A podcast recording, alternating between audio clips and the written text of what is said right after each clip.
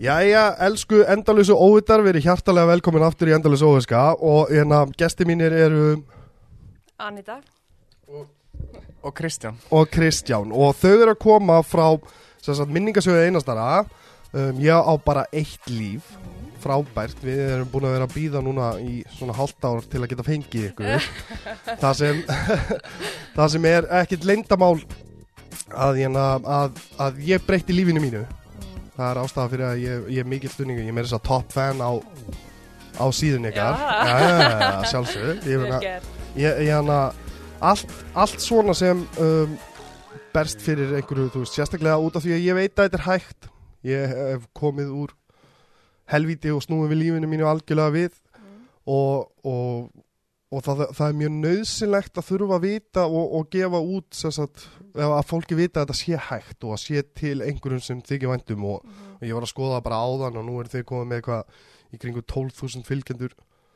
Já, alveg að detti það. Já, alveg að já. 12.000 fylgjendur á síðunni og, og það er náttúrulega bara draumur að ná svona langt í 300.000 manna þjóðfélagi. Mm. að geta vakið þannig aðtikli sem er bara, ég er ótrúlega ánægð með þessa starfsemi um, Anita, þú vilt kannski byrja því að segja okkur um, eins leiðilegt og það er að þurfa að fara út í þessa sögu en þú vilt kannski byrja því að segja okkur frá því hvað gerist Já, til þess að þetta byrji. Uh, við sem sagt erum bara mjög venjuleg fjölskylda og við sem við byggumst alls ekki við að þetta væri að fara að gerast fyrir okkur. Uh, það var bara allt bara frábært og veist, við fjölskyldum erum alltaf verið mjög náinn við höfum ekki hugmyndum að það væri eitthvað í gangi hjá einari að hann væri eitthvað að fykta með þetta eða veist, við vitum eiginlega ekki nákvæmlega hver staðan var, hvort hann hefði verið komin með eitthvað fíkn eða þess að þetta er svo fljótt að gerast hjá honum.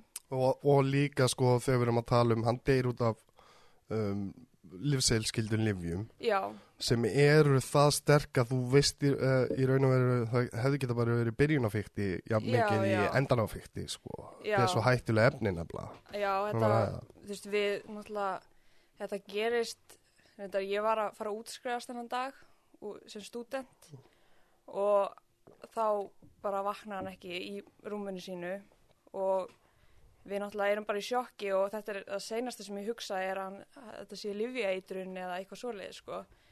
Þannig að þetta er náttúrulega rosalegt sjokk og við vitum ekki neitt en sem betur fyrr, þú veist, á hann átt hann fullt af vinum og þau ákveðu bara að segja okkur hvað hefur í gangi og þá, veist, var hann búin að vera eitthvað að fykta með þetta í einhver tíma og en svo svona senustu tvær vikurnar þá fyrir þetta svona að fara hraðar, þú veist, þá er hann, þetta er ekki samt dagneysla eða neitt svoleiðis en samt svona sér maður, þú veist, að þetta er svolítið að ná stjórninni á honum og veist, samt var þetta ekkit mikið, skilur en ég held svona, veist, það sem að fólk veit ekki oft er þegar þau eru að taka svona lif að, þú veist, og líka bara fólk sem er með lifseðil fyrir þessu, að það á ekki að vera að drekka með þessu.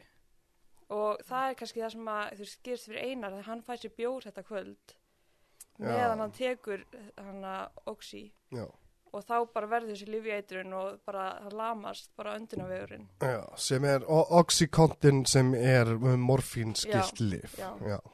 sem er já, mjög algengt að gerist þú drekkur með já, morfínskildin livjum að Já, já, já, þú í raun og veru miður. gleymir að anda. Já, Það er þannig sko. Þetta bara já, og svo er þetta líka oft bara því mér sem bara að þetta er svona livja koktel sem að er verið að koma hjá fólki sem er að deyja. Þetta er sem sagt að fólki er ekki lengur bara að, að taka veist, eitt lif, þetta var ekki bara eitt lif sem var með, þó að kannski hann tók þessa oxykontin um kvöldið en þá var kannski búin að vera að taka eitthvað annað daginn áður og þetta svona blandast allt saman sem er ekki bara stór hættulegt Já, já, algjörlega. En þegar við sjáum náttúrulega hvað var í gangi og við, við erum að segja okkur bara, þú veist, hvernig nútíminn er í dag, hvers, hversu auðvilt var að, að fá þessi lif og hversu margir væru að nota þetta, þá, þú veist, og ég er að vera 23, ég er ekki það gömul, en samt var ég einhvern veginn akkurat kynnslöðin sem að fór einhvern veginn svona ekki í þetta, að vera með í livjónum og svona, allavega tók ég ekki eftir þessu. En þau náttúrulega bara segja okkur frá þessu og þá bara vissum við strax að við vildum reyna að gera eitthvað við vissum náttúrulega ekki að þetta verði svona stórt Nei, nei. eins og ég segja oft að við vorum bara lítið fjölskylda í sveitinni sem vildi gera minningasjóð Mm. en svo bara einhvern veginn stækka þetta og við sáum bara veist, fjölskyldur voru að hafa samband við okkur og segja bara þú veist, takk fyrir að opna um þetta að það hefur svo verið mikið skömm Já. með þetta, veist, bara ekki bara það að degi, líka bara að vera með fíkn og allt þetta Já.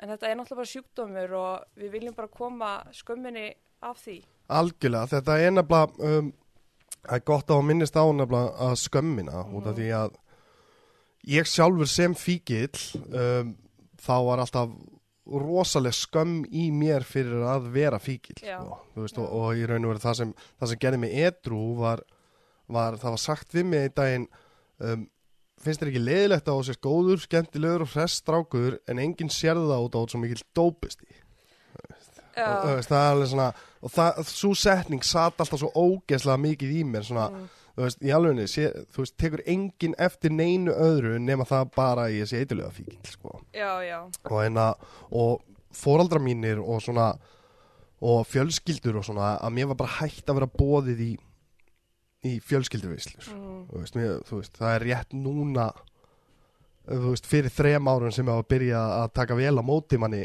já, aftur í fjölskylduvislunum og svona. Og þetta er nefnilega en mér langar að vita sko veist, hvernig, hvernig strákur var hann einar? Hvernig, veist, út af því að ég bara sé að hann var ókslega lífsglæður og góður sem Mhm. mjög algengt. En var þá einhvað meira á bakvið uh, hann var með ADHD já, hann var samt ekki á livjum við því en hann var með kvíða sem var svona áhrifaldur af ADHD-inu og þetta var svona svolítið öðruvísi veist, hann var aldrei eitthvað félagsfælin eða neitt þannig, þetta var svona meira, hann ofhugsaði hlutina, mm, þú veist, til dæmis bara þegar hann var lítill og þá heyrði hann í fréttunum að það var í fugglaflensa í gangi. Og eftir það þá var hann bara alltaf hrættu við fuggla já, já Þú veist, þetta var bara svona já, svona. já, ef hann mhm, hélt, þú veist, fann eitthvað að hann var illt í hendinni, þá fór hann bara, þú veist, að googla og það bara hann að var komið eitthvað sjúkdóm. já, já, já, Þannig að það var kannski það svona sem að var mest að, þú veist, valda þessu, en svo held ég aðalega svona ásnað fyrir hann fór að prófa þetta er að því að þetta var talið vera, þú veist, cool. já, Að þú þess á, Já, að því hann var sjálfur svona að byrja í rappinu. Já, hún fannst það bara mjög gaman og, og gerði, gerði lag um svona dóp skilur og við þetta fjölskyldan spurðum þú veist, er þetta eitthvað sem þú veist að gera í álfuru en hann segir bara nei, þetta er bara þú veist, allir er að syngja um þetta já, já, allir er að rappa um þetta, þú veist, ég vil bara vera með. En svo er sannleikunum bara sá að hann var að rappa um það sem hann var að gera. Já sem, er, sem er þannig að þetta algenga sko svona letirapp Já. og þeir eru með þessa kóteindrykki og þetta dæmi sem, þú veist, ég hef heyrt þetta ég hef, ég hef heyrt þetta rapp líka nefnilega, ég veit, ég veit hvað það tala við og, og þetta er nefnilega sko, þetta eru kynnslóðunar eftir mér sko, Mhm. í 31 ás kynnslóðunar eftir mér, ég nefnilega ástæða fyrir að þetta mál líku mér rosalega á hjarta er að ég misti besta vinn minn 2011 um, út af mjög svipuðum aðstæðum mm. það sem. Já, takk og, hérna, og, og ég man eftir því sko, ég fekk taugafall um, og eftir það þótt ég held áfram að vera fíkill alveg þá til fyrir þreymar árum Mm að hérna, þá þorði ég ekki að snerta neitt af þessum livjum Já, það, veist, Já. það, bara, það kom svo mikill ótti. Þú sé Já, ég ætla ekki að trubla það. nei, nei, nei, nei það, það er alls ekkit tröp sko. En hann að, já, hann að, sko, ég, akkurat, ég heiti sett Kristján og ég er að gera, þú veist, ég er að setja að vinna með minningarsónum, við erum búin að vera að fara hann út um all landið og allt svona og ég var líka vinnur Einars og hann er líka sjálfur orkufíkill. Hm. Hann að, hann að, ég ætla akkurat, ég er mikið, mjög, hann að, finnst mjög gaman að tala akkurat um þetta tónlistamál og þetta er rosalega áhugavert hvernig þetta gerist. Og allavega í heimildatunum sem ég er að gera um sett fíknisjúkdóminn, við höfum talað við rosalega mikið af fólki og akkurat svona þín kynnslóð og eldri, þeir, það var rosalega mikið livjarhæðsla hjá þeim og hann ekki mikið misnóta þessi lífsvískjötu líf. Það var meira kannski einangraður hópur sem voru bara dópista dópistanir, ef maður getur sagt það. Já, það voru þeir sem voru kannski komnir í mestu neysluna og ég held að það var rosalega stimpill sem fylgdi í þá. En sko það sem gerist allavega mín kenning er, þú veist, þetta er rosalega margþætt af hverju þessi svona livja sprengja kemur og af hverju þetta brýst út í svona um, neysluhópa sem voru ekki í jafn mikilvæg neyslu og áður fyrr. Að það sem gerist náttúrulega í til dæmis bandaríkunum, ef við tökum það sem dæmi það er, það er náttúrulega rosa það er hægt að ranta endalust um livjæfaraldur sem er í gangi þar, morfinfaraldurinn og, og sanagsfaraldun líka sko. Já. uh, en það eru náttúrulega allt öðruvísi ástæði fyrir þetta gerist heima. Þannig að úti er þetta út af því að livjafyrirtækin eru bara risastór multibiljón dólar fyrirtæki sem gera hvað sem er og svífast einskis til þess að græða. Snýst allt um peningana þar. En hérna heima það sem gerist er sko að við erum í rauninni bara að finna afköstin af þessari bandarísku bylgu, þú veist, þetta er þetta brist út í svona tískuna þarna og vegna þess ég meina tónlistamenninir er ekkert fyrstu einstaklingar til þess að vera fíklar, þú veist, þetta er en, og þetta er náttúrulega rosalega stór vanda, vand, vandamálarna úti. Þannig að veist, þetta er rauninni brist út í tískuna þarna úti. Það eru rosalega margir orðnir uh, bæði háðir og finnst þetta, þú veist, ég veit að þú skilur það kannski að þegar maður verður háður einhverjum efnum þá setur maður það upp á svona stall. Já, já, þetta er bara algjörlega. Þannig að, já, það er einhvern veginn, þú veist, við erum í rauninu bara að finna fyrir, þú veist, bara bylgjunum af þessu. Þú ert aldrei góður fyrir þú ert búin að fá þitt drug of choice í raun og veru þegar þú ert fíkil Já, sko. Veist, það er, einmitt, ég, var, ég var rosalega háður amfetamíni Já, og það skipti ekki máli hvað ég var að fá mér eitt annað þú veist, ef maður fór út að fá sér bjór og eitthvað svona þá var ég aldrei ánæður fyrir en ég komið með amfetamínpókan í, í vasan, akkurat. skilu, það fer alltaf stað og, og vandamáli er samt líka sko að, að það er rosalega mikið kæruleysi varðandi uppáskriftir á þessu livjum bara, þú veist, ég ætla ekki síðasta sem ég ætla að gera er að, er að benda fingrum því að það er ekki rétt en það er rosalega auðvelt að fara og og segja hitt og þetta og þú veist það og síni fram einkenni við læknir og hann skrifur upp að já, þetta hérna hefur virkað mjög auðvöldlega sko. um, ég hef hirtu tilfelli það sem hefur látið sko fólk frá, fá livseðil af nokkrum mismunandi livjum sem, þú veist, ætti ekki að vera tekin saman. Og segja, prófaðu bara þetta og svo prófaðu þetta svo finnum við bara út hvað þú veist, hvena sásöka levelið er farið hjá þér, þú veist, þá tekur við kannski þrjári við daginn, eitthvað svona. Og fólk er látið gera þetta alfarið sjálft þú veist, og svo situr uppi með fjóra livsela, Þetta er stór hættulegt, sko. já, Sérstaklega þegar þú ert með uh, svona rosalega ánægbindandi lif eins og sérstaklega verkeflifin og, og líka kvíðastendandi lifin. En það sem við tökum líka rosalega mikið eftir þótt að uppáskriftinar séu, þær eru náttúrulega rosalega stórt vandamál líka en allavega af því sem við höfum heyrt þá er það meira vandamál hjá eldri hópum, veist er og ungu krakkarnir eru miklu frekar að vesla þetta af svörtumarkaði þar sem þetta er flest allt innflutt og sem sagt, heim er pressað úti. Það sem þetta eru ekki þótt á sér kannski að kaupa töflu sem stendur á þú veist, og, og á að vera 80 mg oxykontabla Já. eða stendur á Sanax og á að vera 4 mg Sanax-tabla þá ertu ekki með nei, svona neina bara sönnun fyrir því að þetta sé það sko. nei, nei, nei er þetta um sem, sagt, sem eru pressaðar Já. bara af einstaklingum sem eru með þá morfín og, og, Já, og já. þú veist, eru með efnin til að búa til töfluna en, en í raun og veru vitum við ekkert hvað er mikið magn í, af morfín í hverju einustu töflu, Akkurat, sko. akkurat, þetta Já. er svi- svipaðu gert með e-pilunar, ég meina þær eru allar bara pressaðar á, í svona verk, annarkvært verksmiðum úti eða þá bara heima. Já, því miður mjög algengt sem sagt síðustu dagana mína í neyslu þá var mjög algengt að, að fá bara pressaðar hérna. Mm. þannig að þá var það bara, já, ég pressaði þetta sjálfur Já, dæmi í gangi á þeim tíma sko. Já akkurat. Svona, sem er mjög, mjög hættulegt það sko. er bara mjög spúki og, og líka það sem er alltaf búið að gerast núna með hana, með þessum sko, ég veit ekki manni hvað þetta kallar svona svarta markanum á netinu úti, hefði, þú veist, silki silkrót og allt það. Þú veist, við erum að sjá það að einstaklingar geta bara panta sér inn í rauninni allt sem þú þarft til þess að pressa svona töflur og með þess að bara ungir einstaklingar. Þetta er oft bara þannig, bara ungir uh, ungir krakkar eða ungir fíklar sem eru að pressa þetta bara heima á sér, sko, með bara geimið undir rúmi, sko, Mm. og þetta er stór hættulegt sko. Já. Segðu mér, hérna, hver, hvert var samband þitt við einar? sko já, ég og Einar kynnisturunni þegar að við erum, þess, ég er svona 14-15 ára og hann að, þú veist, við þetta var eitthvað svona, hann, hef, hann var fyrirverandi kærasti, þáverandi kærustu minnar. Ógæslega fyndi og Eru, eru þú smábæ?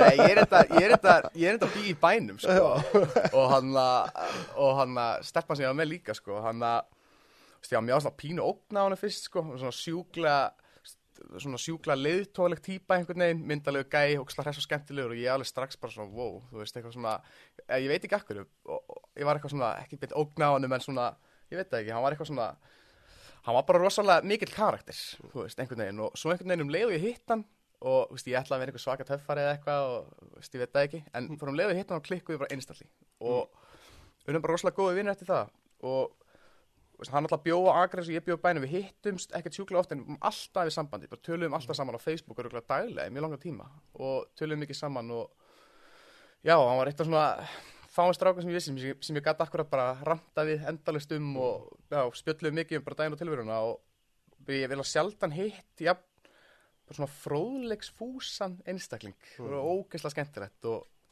bara já, vorum mjög góða vinnir Og voru þið þá, um, svo ég með spyrja það, voru þið þá, þú vissir af neyslunni á þessum tíma? Varst þú virkur þá á þessum tíma? Sko, ég er búin að vera etru í tvö ára þrjá mánu Já, með það. Já, takk Takk fyrir og hann þegar ég kem úr sagt, meðferð fyrir, já, tveim árum cirka þá hann veist, ég var bara ég veist að eða Facebookinu mínu og allt svona ég var komin bara í svona félagslega klessu sko Mm. og var bara gjössalega, þú veist, bara búin að keira mig alveg í klessu og já, fyrst, eitt af svona fyrstu manneskinu sem ég byrja að tala aftur við er Einar. Og ég man að það var einn af þeim fyrstu sem ég addaði svona á nýja Facebookið mitt. Og veist, hann var rosalega, spjöllum rosalega mikið saman sko þegar ég var nýjórin etru um akkurat sko, veist, ég var ennþá bara pínu svona bara svona sjúk, þú veist, ég vissi ég var ennþá bara svona að lenda eftir alla mína lifjalislu og við vorum svona mikið að tala um þetta svona fram og tilbaka og, og hann ég er svona mikið að tala um hvað mér finnst þetta bara hræðilegt og spúki og svona og hann, hann líka sko. Og ég vissi hann hefði prófað einhvern tímann og hann gerði kannski svolítið lítið úr því hvernig það hefði verið. En ég einhvern veginn var bara kannski, ég vissi ekki nógu mikið þá og ég kannski vissi að hann var, þú veist, ennþá var að prófa og fykta eitthvað. En ég gerði mér ekki alveg grein fyrir því hversu hættulegt þetta væri sko. og held þetta væri bara saklust pínu ennþá upp á þetta að gera. Ég held ekki að það myndi deyja sko. sem er því miður bara mjög algengt. Ég, um, ég get sagt ekki sögu um það að eina sagt, já, eins og ég sagði, besti vinur minn deyr. Um, svo á ég annan besta vin og ég man eftir eitt skipti þá voru við að borða einhverja svona pillur saman. Og ég sit með honum, við vorum búin að vera á, á fylliríu og borða einhverja pillur saman og, og, eina, og í óhef, óhóflegu magni. Ég, sagt, ég var mjög, mjög íktur fíkil veist, það var í, í raun og veru það var, er, er í raun og veru kraftaverk að ég hafi lifað þetta af. Og, hérna, og ég man eftir því að við sátum saman og vorum búin að vera að geta eitthvað þessu lifi og hann sopnar sem er náttúrulega það hættulegasta sem gerist. Og ég segi "Ah, ok, góða nóttunur og ég fer veist, í þessu augnabliki og þetta hefur alltaf út af því að stuttu seinna deyr vinnu minn sem sagt an, annar vinnu minn en þetta hefur alltaf sitið svo ótrúlega mikið í mér þetta augnablík út af því að ég beið eftir hann sopnaði og þá hugsa ég að ok, hann er sopnaður, ég heyri honum á morgun en í þessu ástandi eins og við vitum var bara veist, stóri möguleikar á því að hann hefði aldrei vaknað og eftir þetta, þú veist, út af því að maður er maður er svo blindur á því hvað þetta er alvarlegt fyrir en maður upplifir þetta hjá sínum nánustu sko. Þú veist, á þeim tíma hefði mér verið alveg sama hvort það hefði gerst fyrir mig en þegar ég lendi í þessum með besta vinn minn ég lendi í tauga áfalli eftir að þetta gerist út af því að það var einmitt eins og alls ekkit ósvipað bróðinum mál. Þar sem hann var fótballtastrákurinn myndalegi skóla skóla hetjan, allir elsku og gott að vera í kringum, fyndin það er akkurat þessi típa sem slasast og fer að nota liv og inn á við tveim árum þá er hann dáin það bara vindur upp á sig, vindur upp á sig. Og hann var strákurinn sem helt fyrir andlit á sig þegar við vonum að reykja grasið í skúrnum og vildi ekki koma nálægt þessu sko. svo deyr hann. Og, og út af því það er einmitt sko hlut af því sem ég, dáist svona að minningasjónum ykkar er um, út af því að þið einhvern veginn snýri þessu upp í að gera einhver gott úr þessu. Og það er ótrúlega fallegt það tók mig langan tíma að átta mig á því hvernig ég geti snúið einhverju góðu upp úr að hafa mist besta vinn minn sko. og mér langar svolítið að, heyra frá þér anda varandi sko hvernig ferlið fer á stað þú veist, þið nefnilega þið lendið í þessu Mm. þú, og þú veist og ég skil það maður allir eru brotnir og sérstaklega sjokki yfir því að ég meina þið vissu Já, þið höfðu ekki hugmynd um neitt í raun og veru.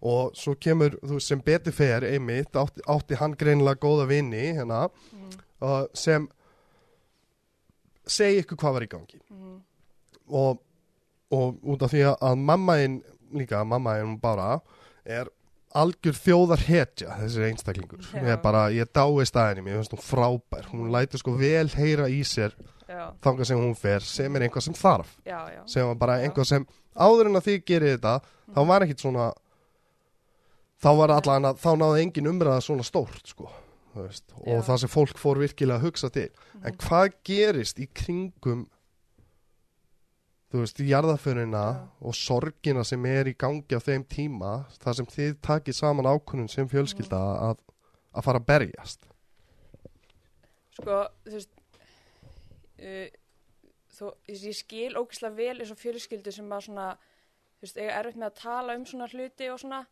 en það kannski fjölskyldan okkar var svona við höfum alltaf verið ógeðslega náinn bara sérstaklega mamma og svo við krakkanir og það, það bara kom aldrei svo hugsun að við myndum ekki segja hvað gerðist. Þá vorum alltaf auðvitað ekki hugsa um að fara að segja allir þjóðinni það, en þú veist að við hugsaum bara þú veist, við viljum bara hafa þetta eins og einar, þú veist, einar sagði alltaf bara hvernig hlutinni voru. Við vildum bara að allir myndu vita það og sérstaklega vinir hans og bara, þú veist, margir í kring ef það voru einhverjir aðrir sem voru að fykta sjá bara, þú veist, sína hversu hættilegt það var. Og svo bara einhvern veginn þú veist, við vorum bara ég ætla að man ekki nákvæmlega hvernig dagarnir voru hann eftir á, við vorum bara fjölskyldan heima og við bara svona byrjum að tala um, þú veist, við verðum allavega að gera eitthvað, þú veist, að því Einar bara, hann var þannig karakter, hann náði allt öllu með sér, þú veist, þetta var bara svona, mömmur vinans voru að senda, veist, skilabóð, bara svona, þú veist, þessi indisli stákur skilur, hvernig getur þetta gerst og þú veist, hann var svona gaurin sem að, veist, var í heimsóri vinni sem hann fekk sér bara, kaffibólla með mömmunni að spjalla. Mhm. og við vildum bara svona halda því áfram og ætlum bara að gera minninga á sjóð bara segja hans sögu og sjá svo bara þú veist hvernig þetta myndi fara. Og svo bara einhvern veginn var bara springing það var bara svona fóru bara aðra fjölskyldur að hafa samband segja bara veist hversu flott að vera að segja þetta og svo bara fóru að sjá hversu margir voru veist bara krakkar að segja bara vá ég vissi ekki að þetta væri svona hættulegt. Og þetta bara já bara einhvern veginn fór bara allt svo hratt á stað. Og maður svona þegar ég hugst tilbaka þá sem þú veit ég ekki alveg hvernig þetta byrjaði. Nei. þetta bara svona gerðist og við bara svona fylgdum með einhvern veginn. Já. en það kannski uh, var svo sem við vorum ekkert búin að hugsa um að vera með fræðslu eða neitt svoleið sko. Við vorum bara búin að hugsa um að bara svona hafa vekja þjóðina tala um þetta, þetta á ekki vera eitthvað skömm veist, og ég er svona að segja veist, við erum ekki að tala um einar veist, þannig að fólk var að hugsa ok, þetta er, þetta er einhver fíkil sem dó við viljum hugsa, uh, hugsa um eitt líf, skilur, ok, þetta er einar indislegi strákurinn sem að, því miður misti lífið að því hann bara, hann vann ekki. Já. Og þetta er svona, og vissi ekki betur já, þú veist, akkurat, og það er svona, þú veist, maður vil koma frá- að fólk sem að missir fólk, þú veist, eins og bara, bara, þú veist, eins og sískinni eða eitthvað að, að fólk er ekki að hugsa, ok, þú veist, bara um fíkilinn. Þú veist, þetta er persóna, þetta Mm. er, eða bara, þú veist, þetta er ekki bara einhver einn tala eins og, þú veist, þetta voru, tveir sem að látast þau þessum mánu eða eitthvað svoleiðis og þá bara svona hugsa maður á eitthvað tveir. Við viljum sína andlita á bakvið tölunar. Veist, þetta er manneskja og þetta er fjölskylda, þetta er vinur, þetta er samfélag. Veist, þetta voru svo mörg, eins og bara í jarðfunni og einari sem að, þú veist, eru bara í, í sorg og bara líður ömulega og það er ein manneskja. Já. Þú veist, með hvað voru, hvað var 39 sem að létust á seinast ári, livjaitrun og örgulega fullt af fleiri sem að var tengt því eitthvað svoleiðis.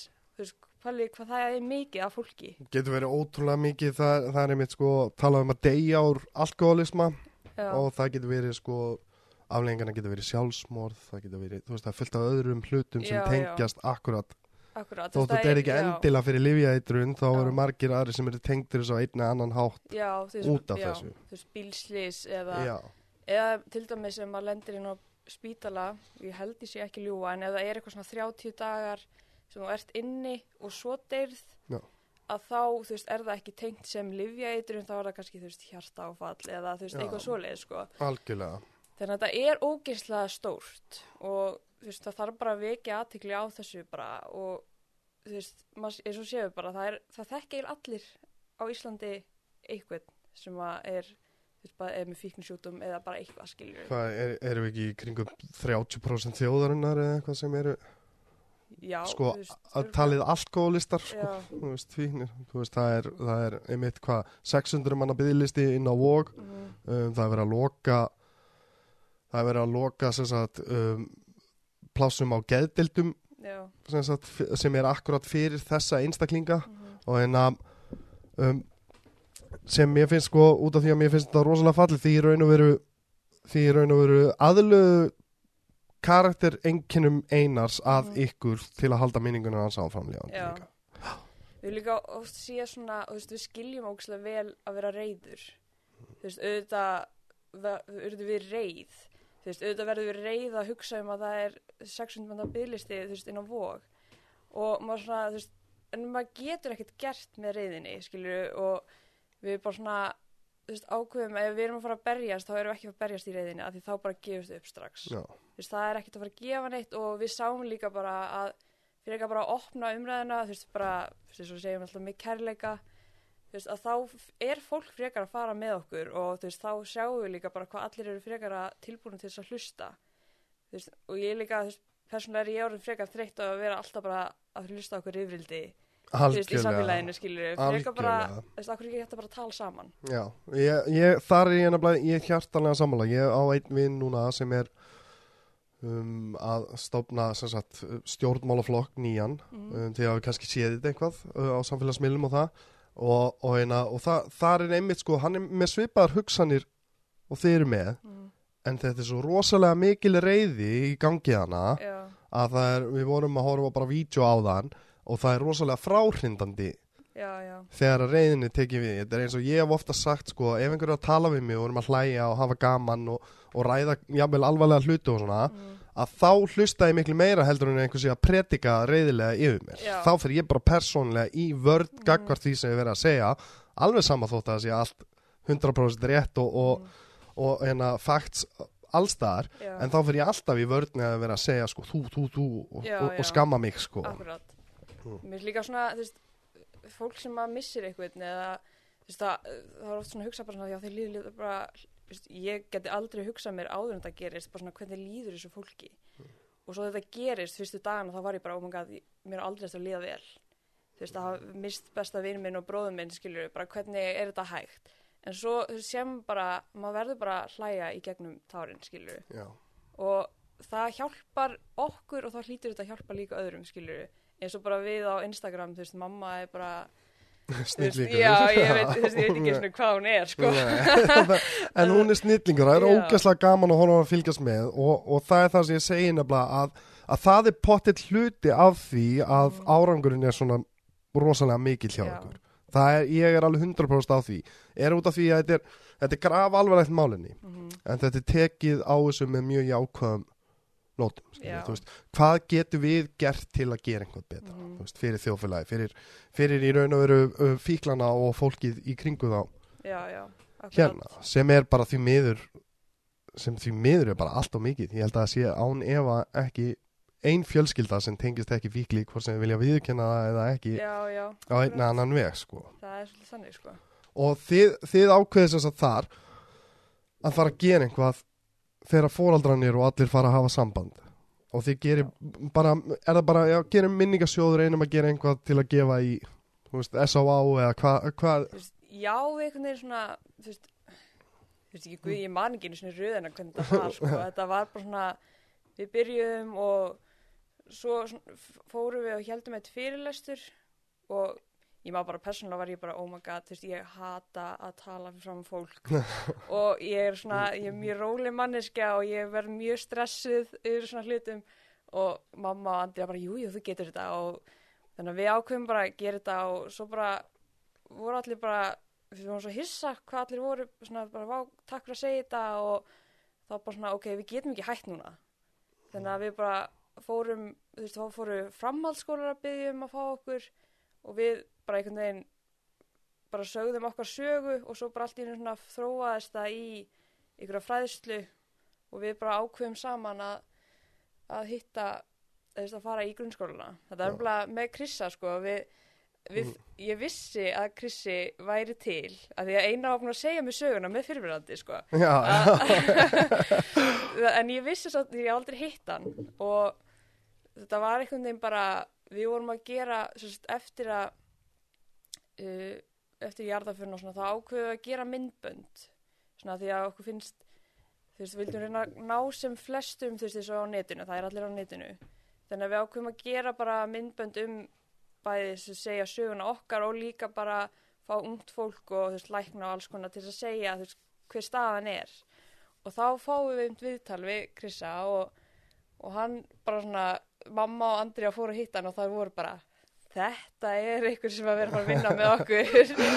Bara, þegar Krissi tala þá bara svona dettum maður inn í, hann bara Mm. tala svo mikið og segir eitthvað svona bara magnaða hluti. Og þá einhvern veginn bara byrjaði þetta. Við fórum að vinna saman og bara, bara spjalla og einhvern veginn var þetta til. Veist, ég bara einhvern veginn man ekki nákvæmlega hvernig þetta gerðist. Og, og hver er þá þín svona, hvað sé, svona helsta hvað er það sem þú gerir helst fyrir minningarsvið? Sko við erum við erum rosalega mikið einhvern veginn búin að vera, veist, við erum sko öll hugmyndavinna sem við gerum er unnin rosalega mikið saman. Og þetta er rosalega mikið samvinna svona trekk í trekk, en það sem ég helst verið að gera er að fara með í grunnskóluna, fara með fyrirlestra og bara hitta alls konar fólk og svona, þetta er einhvern veginn bara, bara vinna stöðt við því að halda vitundavaktunni gangandi, Já, Þú veist, það er bara það sko. Og hérna segir þú þá söguna þína? Já, meðal annars. Meðal annars. Og hann sko allavega eins og í grunnskólafræðstunni við ákveðum að taka svolítið öðruvísi vingil á þetta heldur en hefur verið tekin áður. Þegar ég, þú veist, ég man allavega fyrir mitt leiti að, að þú veist, það er talað um þessa þrjá hópa þegar kemur að forvarnafræðslu. Hópurinn sem er aldrei að fara að prófa saman hvað það segir, hópurinn sem er að fara að prófa saman hvað það segir og þessi hópur sem er svona bæði og svona Já. á línunni. Uh, forvarnafræðsla hefur oftast verið einhvern veginn meðuð að bara þessum miðjuhóp út af því að fólk á kannski svolítið erfitt með að sætta sig við það að það eru einhver börn sem eru alltaf að fara að prófa þess að það er alveg þannig. Já, já, algjörlega, uppreisnarsækinu og svona já, ég sjálfur sko. Þetta er, veist, að með þetta er í samfélaginu þá eru, þú veist, úlingar alltaf að fara að vera forvitnir og þetta er alltaf að fara að vera einhver partur af því. En við allavega ákveðum að reyna að miða fræðsluna að sagt, við alltaf ákveðum að reyna að bæta allt stuðningsneti í kringum badnið þannig að í stað þess að vera að taka hefðbundu fræðsluna og tala rosalega mikið um fíknefnin beint og skaðsemi þeirra þá minnumst á það, eins og ég allavega, ég minnist á svona aðeins að ég hafi verið í mikil fíknefnineslu og hafi verið mjög stjórnlaus og svona, en það er ekki svona aðal punkturinn, veist, það, og það á ekki að vera það það getur oft snúist bara upp í það að vera spennandi, en það sem við erum gera núna er að leggja áherslu á Það er nefnilega, fyrir ekki að ég gripi fram í fyrir ég, mér mér finnst nefnilega þetta góður punktur hjá þér að það getur snúist út í að vera spennandi er einmitt það að, að það eru sko, það eru einstaklingar eins og ég sjálfur. Um, ég var rosalega gott og rólegt barn og svona á yngri árum en í kringum kynþróskan og, og táningsárin þá einhvern veginn var ég algjöru uppreisna segur og ef ég heyrði svona sögur þá var ég bara einhvað, wow, þetta er ábygglega geðvikt alveg sama hversu slæmar sögunar geta orðið þá var einhvern veginn minna wow, þetta lítur að vera rosalegt fjöri eða, eða rosa, þetta er ógislega spennandi, þetta er ógislega áhugaverð saga, þú veist, þannig að það var rosalega það virkaði ekki beint eins og var Mhm. ætlast, Akkúrat, til, að, ætlast til að gera með þessari sögu sko. Akkurat, ég er alveg sammálaðið sko, svona, og líka þegar maður, ég, ég, veist, ég man, ég hafði heyrt miljón sögur að sem að tala um, já, þessi, þessi var í bilari fíknarneslu og núna er hann bara, uh, þú veist, heimilislaus eða fatlaður, eða svona, maður hafði heyrt alls konar, maður hafði heyrt alls konar svona hluti og maður tengir ekkert við þetta, sko. Nei. En, þú veist, þess að allavega passa, ég, ég passa allavega alltaf þegar ég er að tala um börnina, ég er ekkert ómikið að fókusta þetta og eina sem ég tala um er ég hafi verið, ég hafi verið í þessu, það hefur verið bara hrikalegt og ég sé ennþá að takast á við aflegarar ennþá þetta. Já. Þú veist, þetta er ekki, þetta er ekki bara, veist, já, allt í einu er í orðin etru og lífið er frábært. það, er, það er sko, það er algjörlega langt frá því Já. ég, einna, um, ég segi ennþá sko að þú veist, þrem árum setna og ég var í neysli í 15 ár, ég á 12 ár eftir ég að vera að vinna upp það sem ég gerði í neyslunni, þú veist, það er nákvæmlega. 12 ári viðbót þar sem ég þarf að vera að díla við afleðingar Nákvæmlega. af því sem ég gerði síðustu 15 árin Já. sko. og, og, eina, og það getur komið fram í öllu formi hitt fólk sem þú komst ítla fram við þú veist, það getur, veist, Þetta er alls konar sko. það, það er nefnilega, þú veist borga reikning út af að hefur ekki borga reikningana í tíu ár skilju, þú veist, það er bara það er fullt af hlutum sem þú þarf að vera að díla við eftir í neyslu heldur en bara að setja tap í flöskuna sko. Algjörlega og líka það sem er oft sko sem fólk gerir sér grein við að þú þarft einhvern veginn að endurheimta ég ætla ekki beint að segja andlegan þroska en þú þarft einhvern veginn að læra á lífið svolítið upp og nýtt Al- algjörlega. Þess að þú ert í neyslu, þú veist, þú ert með alla þessar hluti sem þú heldur að séu bara pottetir þú, veist, þú, þú heldur að sömu hluti séu bara faktaðir og, og að þú vitir allt sko. en sem leið að vera edru þá einhvern veginn ert að komast alla fyrir mig. Þegar ég lærði að þetta væri fíkn sjúkdómur og það væri fullt af fólki sem var að takast á við nákvæmlega sömu tilfinningar og ég og, og mér liði svona því ég væri veikur og ég heldi þetta því ég væri veikur og ég hætti ekki skóla því mér fannst það leiðilegt út en ég hætti skóla því að hann henda ekki neyslu minni. Ég var einhvern veginn, maður er að komast að því að bara allt lífum að sem búið að vera bara líf Algjörlega. og allt það sem maður held er bara kjafta og það er rosalega spooky ég, se, ég segi einmitt ofta að, hérna, að ég þurfti að, að viðkynna það fyrir sjálfu mér að ég var búin að vera að lifa vittlust Já, bara akkurat. algjörlega og allar mínar skoðanir allt bara sem ég hef verið að gera þyrfti ég bara að henda út Já. og byrja að byggja upp eitt hlut í Nákvæmlega. einu frá, frá grunni sko. ég held að ég væri ófærum að að, hérna, að læra til dæmis. Já, ég, ég held að ég ég myndi vera sjómaður allt mitt líf út af því ég gæti ekki lært neitt annað heldur en að vera um borð í bát þar sem ég var til friðis. Já, og, hérna, og, og síðan fór ég í kvikmyndaskólan og útskrifast þar með toppenganir og er að fara að vinna fyrir skólan núna þennan vetur sko. Já, veist, þannig að allt í einu, þú veist, áttari á því að allt sem hún er búin að byggja upp, alla skoðanir á hinu og þessum hlutum eru rángar Já, það er nefnilega, þetta er ótrúlegt. Maður heldur, akkurat, maður heldur að maður vit allt um sjálfan sig, sko en þetta er magnað að fá að kynna sjálfan sér upp á nýtt, sko. Svo ég man einhvern veginn þegar ég var í neist allavega, veist, bara allt sem ég tók mig fyrir hendi ná, ég, veist, ég tala oft, tala oft um það og ég hafi verið bara krónískur klúrari því bara allt sem ég gerði, ég klúraði bara Já. hvað sem er.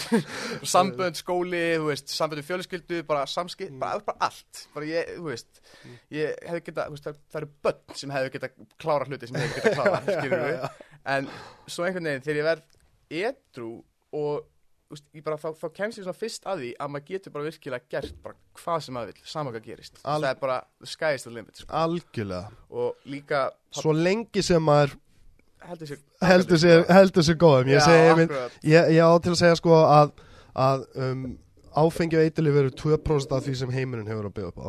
En út af þessum 2% misti ég á öllum 98% og svo um leið og ég loka á þessu 2% þá var alltaf allur heimurinn opinn fyrir mér. Og bara hvað ég vil gera þá get ég unni að því og orðið betri í því sko. sem er mögnu tilfinning. Þú veist alltaf náttúrulega búin að brjóta sjálfa þessum mikið niður í neyslu að maður er bara búin að gera það sko, bæði út náttúrulega maður, maður skamma sín rosalega sem að maður er að gera eitthvað rangt en samt er maður náttúrulega bara með heila sjúkdóm. Þú veist, er bara með, maður er bara með bara sjúkdóm sem kannski maður, maður er með fullt af tilfinningunum sem, sem maður kann ekki að skilgreina og maður kannski gerir maður gerir eitthvað út af fíkninni og svo líður maður illa með það og, og skamma sín rosalega mikið og Já, og he heldur að það sé ég Já, sjálfur já, sem er að taka þessar Akkurat. að gera þegar þú ert í raun og verið að gera til að geta bara fengið eða eitthvað svolítið sko. maður heldur að maður sé svo mikil skítall sko, en svo er þetta bara, þú veist, maður er bara veikur. Og það er, og það getur, það er svo fyndið hvernig það getur komið líka út, ég, þú veist ég hugsa oft til þess að ef ég var í sambandi til dæmis og þá fór ég að rífast við konuna á föstudegi.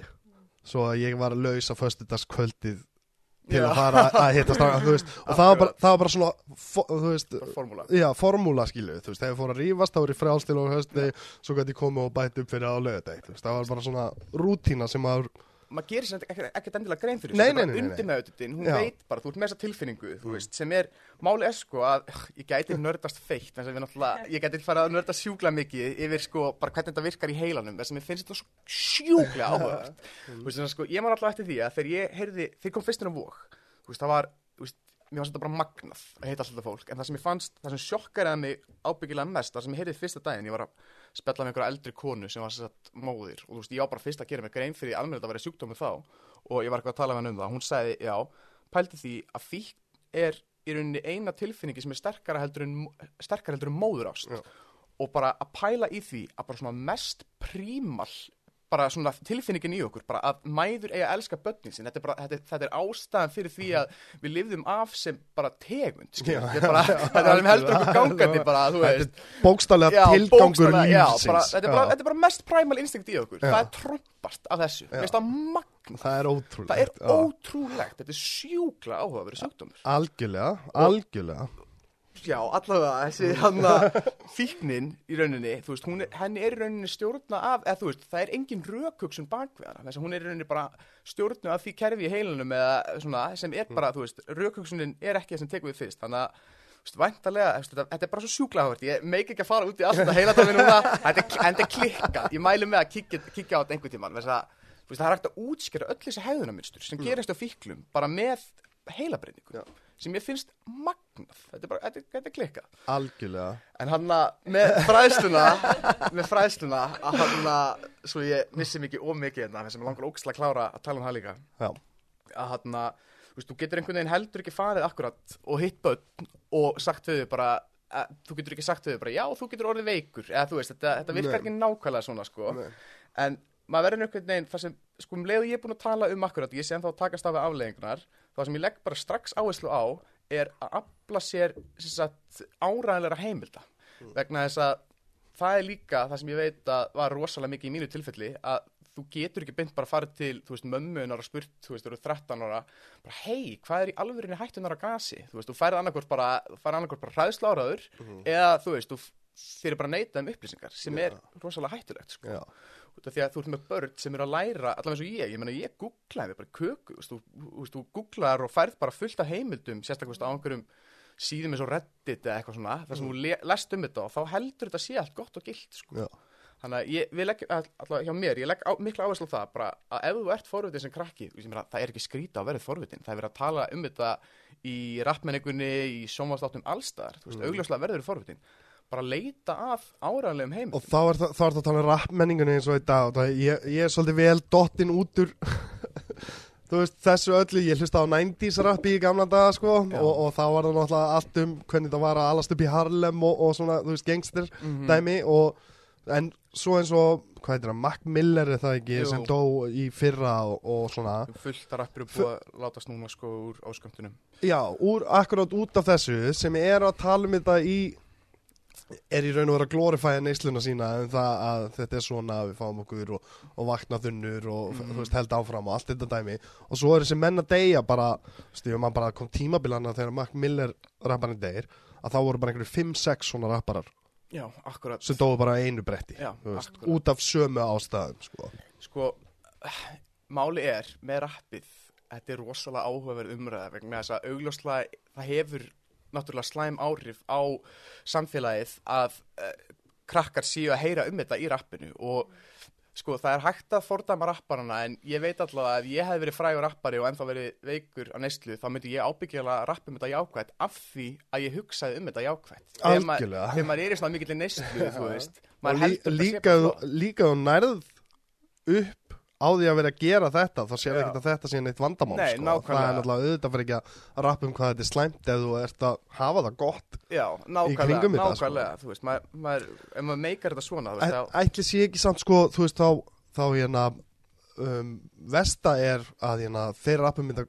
þú veist á jákana Mhm. og einmitt eins og þú varst að segja að síðan ef þú ferð til fóraldræna 13 ára gamall Mhm. og, og spyrð út í þetta þá færði engar upplýsingar um já, nema Já. sem er svona, já, samt var Mac Miller að segja að þetta verið geðvikt skilur, já, þú veist, af hverju er ég að fá tvo mismunandi akkurat, ég til og með spyndi póla, sko, það er, það er alveg rétt, sko, og hann að, líka, sko, já, náttúrulega, eitt, alltaf sem ég, hann að, annað með jákvæða byrtingamindina sem ég langaði að koma inn, ég heyri svo geggjaði setningu daginn þegar ég var að spjalla við, ég mani hvort það hefði verið Helgi Gun- Gunnlaugs, afbrotafræðingur, eða einhver svona fræðikall, sko, sagði, þú veist, listin alltaf bara speklun á því hvernig samfélagið er, veist, það er alltaf hann í allri list, ekki bara tónlist. nei, nei. En þarna, það sem við tölum um þegar við hittum foreldrana, akkurat, er að við leggjum rosalega mikla áherslu á, þú veist, þetta er bara, þú veist, eina sem þú getur gert er í rauninni að fræða badni. Þú, þess að, mér finnst ógeðslega, ég er ógeðslega mikið sökkur fyrir góðum hana viðlíkingum. Já. Og ég hana, mér finnst alltaf ein geggjum viðlíking með þetta, hana, sem ég tek alltaf við foreldrana. Þess að sýsti mömmu, hún var að vinna hjá stígamótum og sem eru þess að ríkisreikið úrræði, eða ekki ríkisreikið, það er uh, ég veit ekki hvernig það er rekið í alveg það er styrt á ríkinu og eitthvað en þetta er allavega úrræði fyrir fólk sem hefur lengt í kynferðisofbeldi og oft mjög gaman hjá matabórun að tala um klámaðinguna og eitthvað svona mjög mikið tekið þarna á matabórun heima okkur út af því að það er náttúrulega spila rosalega stóðan þátt í kynferðisumræðinu en mér finnst alltaf eins og með til dæmis klám. Veist, við getum einhvern veginn sem fóreldrar við getum aldrei útiloka það að börn til dæmis sjáu klám, en við getum aldrei, við getum aldrei bara banna allt klám, það er ekki raunhæf laust nei, nei, nei. skilur en náttúrulega ef að börnin okkar læra um kynlíf í fyrsta skipti frá klámi og þú talar aldrei við þau um það þá fara þau út í lífið með okkur ranga byrtingamöndu hvernig þetta er í alvörunni Algjörlega sem er því miður líka of algengt Já, þeim er hræðilegt Ekki sko. bara hér heldur bara út um allan heim Já. en það er mjög algengt sko En, veist, eina raunhafa lausnin í báðu, við getum ekki bannað allar rapparana eða, eða útiloka það að börnum okkar hlusti á tónlistum eitulif. Það sem við getum gert, bara lausnin akkurat núna, er að setjast niður og tala við börnum okkar á bara fullanins nótum. Þú veist, eins og við myndum gera með, eins og, mér var svo sjálfsagt að þessi tala kynlíða, en ég tek það alltaf í fóröldrana, sem er kannski fyrir pót líka, bara taka þetta á svona fullanins nótum, eins og með kynhefinu, og eins og myndi gera bara, þú veist, að þegar börn er að fara að taka, þú veist, bílprófið, bara kynhefðu ábyrgt, bara á einhverju svona nótum, þetta þarf ekki að vera eitthvað tabú. Nei, nei, nei, nei, algjörlega. Ég hana, mér finnst nefnilega Mér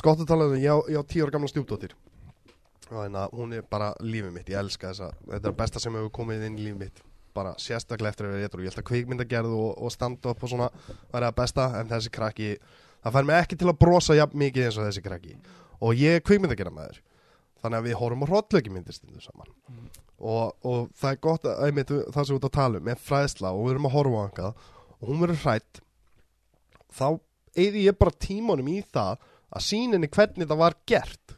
Mhm. þú veist, og þú veist, út af því að það gleymist einmitt oft þegar við verðum að segja ekki lega banninu að horfa á, þú veist hrollleikmyndin eða, Stranger Things eða eitthvað svona, veist, sem er náttúrulega þú veist, á þessum aldri er þetta það er ástæðan fyrir að ég er mikill hrollleikjaðdandi er út á þessum aldri var þetta svo spennandi því ég horfði á eitt þegar ég var tíu ára já. þá svaf ég ekki viku veist, og ennþá daginn í dag er ég bara eitthvað wow, þú veist, ég hef aldrei verið að prættu við neitt í lífinu mínu, tjóðlega geðvik tilfinning sko. Þú veist, út af þetta var spennandi þá Akkurat. og þannig að ég vil ekki banna barninu mínu að horfa á Stranger Things til dæmis og en að sem er ótrúlega vinsælt og eftir að við byrjum að horfa á það er allt Stranger Things inn í okkur. Þú veist, við erum með golfmóttuna, hún er með popdúkuna og svona, en, en ég settist bara niður með henni eftir á og sagði þetta er allt, allt í bíómyndu með gerfi ekkert í alvörinni þú veist, þú veist, þessi stelpa er ekkert snóðuð alltaf, skilju það, er bara fyrir þetta sem hún er að snóða sér. Svo fórum við bara inn í tæknibrellur og hvernig allt er búið til til að gera þetta Þá, þá tekur svolítið, þú veist, þá svona, þú veist, þú dæsektar þetta svolítið svona, þá tekur hann það svo mikið í rauninni eitthvað hræðslu element út úr þessu. Já, algjörlega, enda er hún líka bara stæðsti Stranger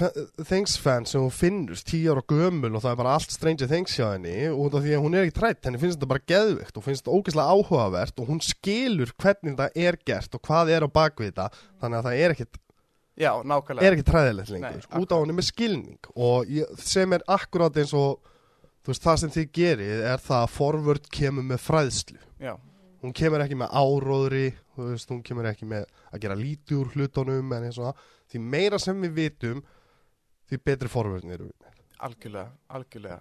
Og það er líka, sko, ég held líka almennt að það er rosalega búið að vera kannski svolítið erfitt fyrir foreldra held ég líka svolítið að fræða börnin sín um þetta og því þau vita miklu minna heldur um börnin, sérstaklega missið að skipta lífi. Á, já, já. Þannig að, þú veist, við hefum líka svolítið verið svona með þá pólisíu að náttúrulega við viljum fræða fóreldrarna upp að því marki þannig að þau geti frætt börnin sín og leggja mikla áherslu á það þau séu bara tveim skröfum undan. Ég meina, ég get ekki, þú veist, ef það væri til ykkur töfralaust þannig sem við getum farið og hitt upp börn og sagt eitthvað til þess að allir, enginn myndi prófa, skilju, þá væri það búið, þá væri búið að finna það var skilurðu. löngu búið að gera það. En, þú veist, við erum bara öll svo ógeðslega mismunandi Það- og besti fræðari fyrir barnið þetta er væntalega að fara að vera fóreldri. Já, sem, sem elst upp í litlu bæjarfélagi þú veist, fiskitorpi um, kemur til keflækur um, átjána gammal fyrir að vinna sér smiður kynnismömmu minni og þau eru búin að vera saman í 40 ár þú veist, síðan þá. Maðurinn hefur aldrei séð eitulif heyrt um eitulif eða neitt hannig þá til hann finnur þetta inn í herbyggi hjá börnunum sín Já, akkurat. þú veist, hann kann ekkert að díla við þetta í raun og veru, þú veist, hann veit ekki eins og hvað þetta er eða hvað við erum að gera og hefur ekki hugmynd um þetta, hann er aldrei komin eitt nálagt þessu. Og það er einmitt þessuna þessuna er forvörd eða fræðsla ógæslega mikilvæg. um, ógeðslega mikilvæg. Til að við förum aftur í, til þín að þetta um, mér langar hérna þú veist út af því að þetta er mjög einstakt að, hérna sérstaklega sko að þú og mamma einn farið saman út í þetta. Þetta, þetta hefur alltaf sko um, mamma mín var alltaf rosalega opinn með sásökar hennar þegar við vorum í nýsli veist, og það er eitthvað svona veist, og hún fór til, leitaði til S.A.V. og leitaði til hjálpar, þú veist, hjálpar eitthvað svona. En það náttúrulega gæti ekki stoppa okkur þegar skaðin var skeður sko. já, já, þú veist, þannig að hún þurfti að læra í raun og vera að díla við bara sjálfan sig á meðan þetta var að gera, sem er meðvirknis vandamál samfélagsins. já, þið ákveðið einhvern veginn, þú veist, mér finnst þetta nefnilega alltaf, alveg frá þetta byrjaði hef ég verið að fylgjast með. Og mér finnst þetta alltaf svo heitlandi einhvern veginn hvernig fólk út af því að eins og ég segi, það er ekki fyrir fyrir þrem ára þegar ég fór að vinna í sjálfum mér og svona sem ég fór að átta mig á því, já um, hvað var það besta sem ég elskaði við, við við minn? Mhm, að þetta, ok, ég ætla að færa þetta inn í mitt líf til að heyra minningu hans og halda honum lifandi. En þið byrjið tiltölulega fljótt að vinna með þetta. Mhm, og er þá þú veist, mamma hvernig um, pappiðinn mhm. uh, hver, hver er sa sagan Kall- Ég og Einar sem sagt eigum saman pappa já, og hann er líka alveg bara inn í þessu hann er, hann er með og þáttakandi í öllu þannig að þið eruð öll fjölskyldan. Já. ég er náttúrulega sé mömmu þína mest og, og þig. Já, og svo er Andrea, sýsti mín. Já, já, já, já. algjörlega. Og, og út af því að þetta er svo, þetta er svo heitlandi því að ég hef sér fólk um, missa einhvern. Mhm, og það er bara, bara ógeðslega sumi ná sér aldrei. Mhm, Já, sumi bara ná sér aldrei, sumi gefast upp jafnvel, sko, þú veist og, hérna, og þið þróist það er reyði mér, langar svolítið að ræða reyðina verðið þið þá, farið þið sama og ég man eftir að vera öskrandi hérna úr reyði þegar vinni myndi er mhm, og ég var sko, ég held sko þú veist, ég var eins og við vorum að tala um á vestahátt, það sem enginn var að hlusta öskrandi um hvað læknar landsins væru kæruleysir mikla, það var allt, allt þeim að kenna, sko. Mhm, allt þeim að kenna að hafa gert, gert vinni mínu við þetta sko. Og hann að farið þið aldrei í gegnum það ferli? Jú, jú. Þar sem þið ætluðu bara að fara að stoppa þetta?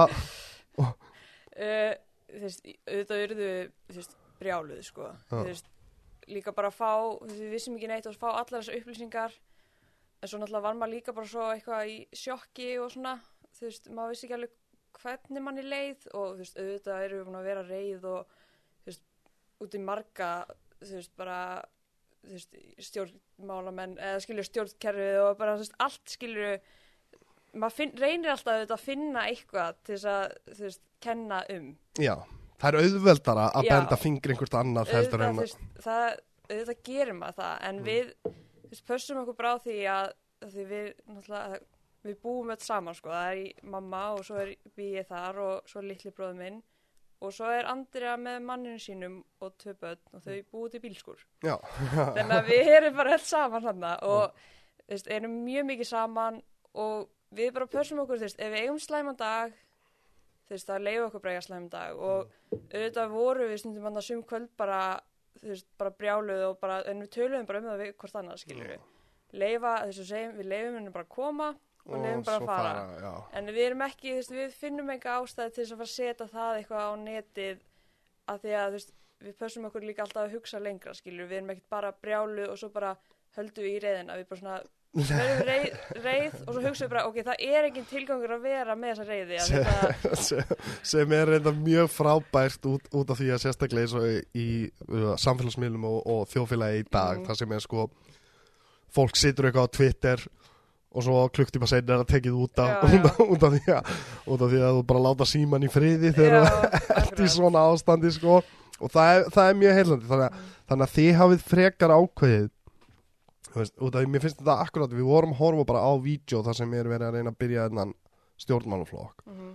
sem er, svona, sem er akkurat anstæðu póll við það sem þið er að gera Já, já, og, hérna, og, og ég er nefnilega sjálfur í svolítið svona, hvað sem að tóstreitu varðandi í dag út af því ég trú á það sem hann er að það sem hann er að segja og vill Já. gera en hins vegar upp á móti þá síðasta sem ég ætla að gera er að kjósa eitthvað tilfinninga rússibana innan, innan þing sem einmitt, sem, sem einmitt fer á Twitter skilur þú veist, bara Donald Trump bara og síðan bara oh, he, he, hendur því út eftir smásti Þa, það er að síðasta sem að vil er þið búin að kynna ykkur þú veist þetta, er ekkit um, hafið, út af því að þið eru að, að sapna inn, inn peningum. Mhm. þeir peningar út af því að út af því að mér er alltaf áhugavert út af því að ég veit ekki beint alveg hvernig þetta virkar með sem sagt góðgera samtök Mhm. sem, sem þið, þú veist, eru skilgjarnir sem góðgera samtök eða ekki Jú, jú. Já, og að þið fáið peninga, er þá tekið ákvarðanir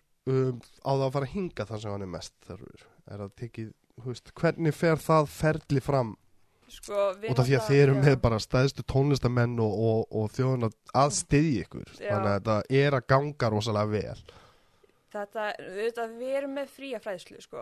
Þannig að við, auðvitað, borgum bara, erum að borga fyrir, þú veist, að komast á staðina og, þú veist, við, eins og arböndin, þú veist, það var bara ákveðin að gefa þau. Þannig að, Já. þú veist, við erum bara svona ákveðið að, þú veist, setja peningin í að opna umræðina. Og eins og auðvitað við líka, þú veist, búin að vera styrkja verkefni eins og til dæmis er Krissi að gera heimildathætti Já, og, og hann að við erum, þú veist, við erum búin að vera að styrkja þau og við styrktum uh, Lof mér að lifa Já. heimiltættina og bara svona alls konar lítið verkefni sem við, veist, trúum á já, algjörlega sem þið telji vera mikilvæg Já. fyrir fræðslu er, það er aðalega um, lagt upp með að koma fræðslunni já, til skila með Já, það er frábært sko. það er frábært út af því að út af því að þetta er sko eins og ég sagði með, með stjórnmálflokkin sem er verið að reyna að stofna það er verið að berjast fyrir náttúrulega að það þurfi ekki að vera 600 manna bygglisti á, á þú veist, að, að loka 15 uh, rúmum á geðdeild sem þú veist, auðvitað nýta sér rosalega vel, skilju, veist er einhverju 15 af, af þessu 600 geta komist þar já, já, inn og, og það er svona vandamál. En, en ég er nefnilega, þú veist, út af því að ég pæla ekkert í pólitík, út af því að kemur mér ekki við Mhm. en hins vegar um, þykir mér vænt um fólk og þetta kemur mér við. Veist, þessum eru þið hérna en ekki þú veist, ekki pólitíkusar ég, ég, ég, nenni ekki að heyra það út af því að ég myndi bara vera fúll. Að, að, að, því að ræða við þá. Og hérna og hvernig gengur, farið í skóla? Eru þið stanslust með fræðslu í skólunum? Já, við vorum bara, það var nóg að gera senustu ári og við, þú veist, bara náðum ekki einu svona að fara í alla sem við vildum. Nú, frábært. en, en við erum svona ekki það að sé frábært en frábært, að það já. sé svona nóg að gera. Já, það er náttúrulega æðislegt. En við viljum bara, við erum svolítið að breyta núna hvernig við ætlum að fara að þessu af því við viljum ná fleirum. Og þetta er ennþá svolítið svona lindó þú veist við, við, þetta er ennþá í vinslu hvernig við ætlum að hafa þetta og, en þú veist, vandamáli var að það var svo erfitt að ná til fóldrana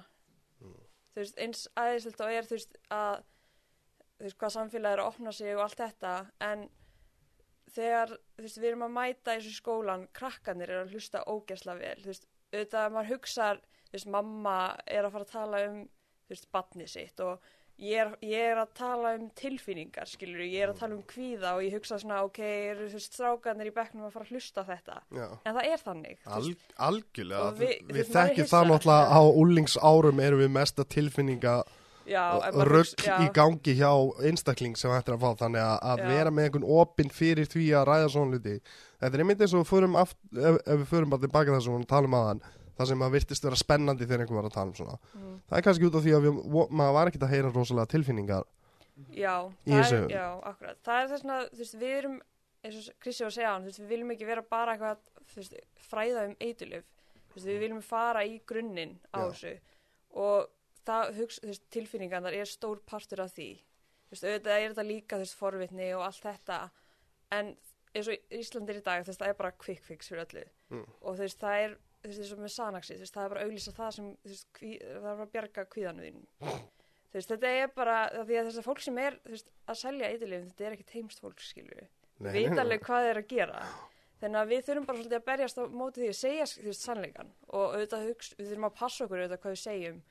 Þú veist, það má ekki segja allt, en það verður að vera hægt að segja eitthvað. algjörlega Þú veist, og við viljum bara koma, veist, eins og þessu skilubóðum að þetta er, þetta er ekki að bjarga þér, skilur við Nei. það er, er eðlilegt að tala um tilfinningar og, það er kannski mér finnst oft eins og fólk finnst ekki að það eiga að tala um tilfinningar sínar ég kannski að því ég var, er með hana kvíðaröskun, ég hef þurft að fara til sálfræðings og allt þetta, þá kannski, þú veist, varði ég að tala um tilfinningarna mínar. Mm.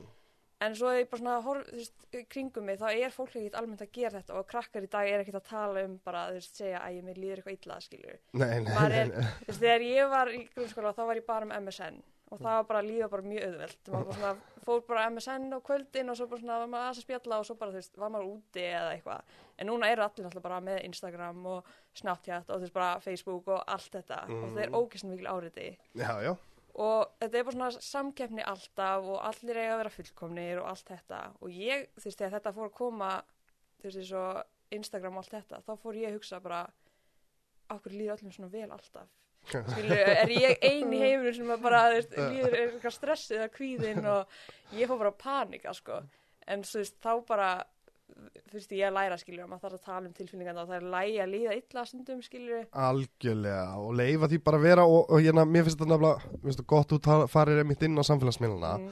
og það samfélagsmiðlunar eru rosalega góðir þegar þú ert að gera einhvað eins og já, bara eitt líf, minningarsjóð og ná til fólks, það er Já. rosalega gott. Eða, eða eins og hlaðvarpið sem við erum að, að gera núna, við nótum aðalega samfélagsmiðla Já. til að ná útreifingunni af því.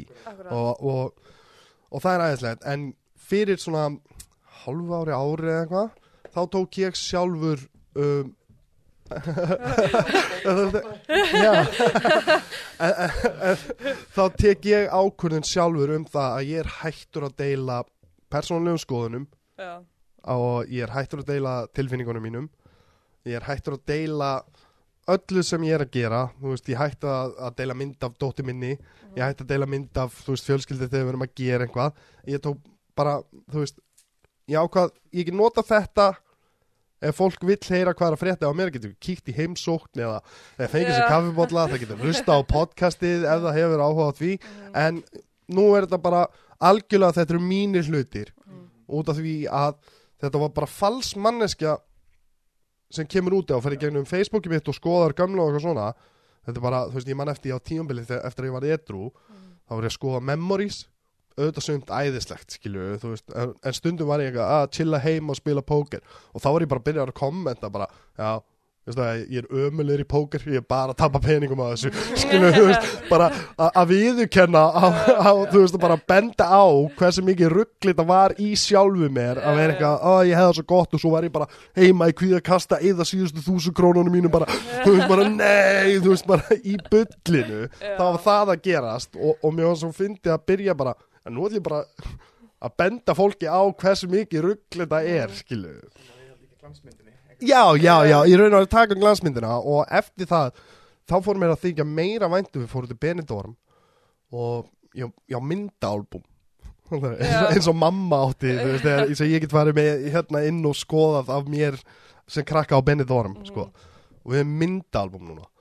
Og núna þykir mér væntum að skoði gegnum myndinar þú veist, að, já, eitthvað svona ég fer aldrei gegnum Instagram myndina mínar og skoða vá hvað þetta var góðu dagur eða Nei, Eh. það er svo satt, já.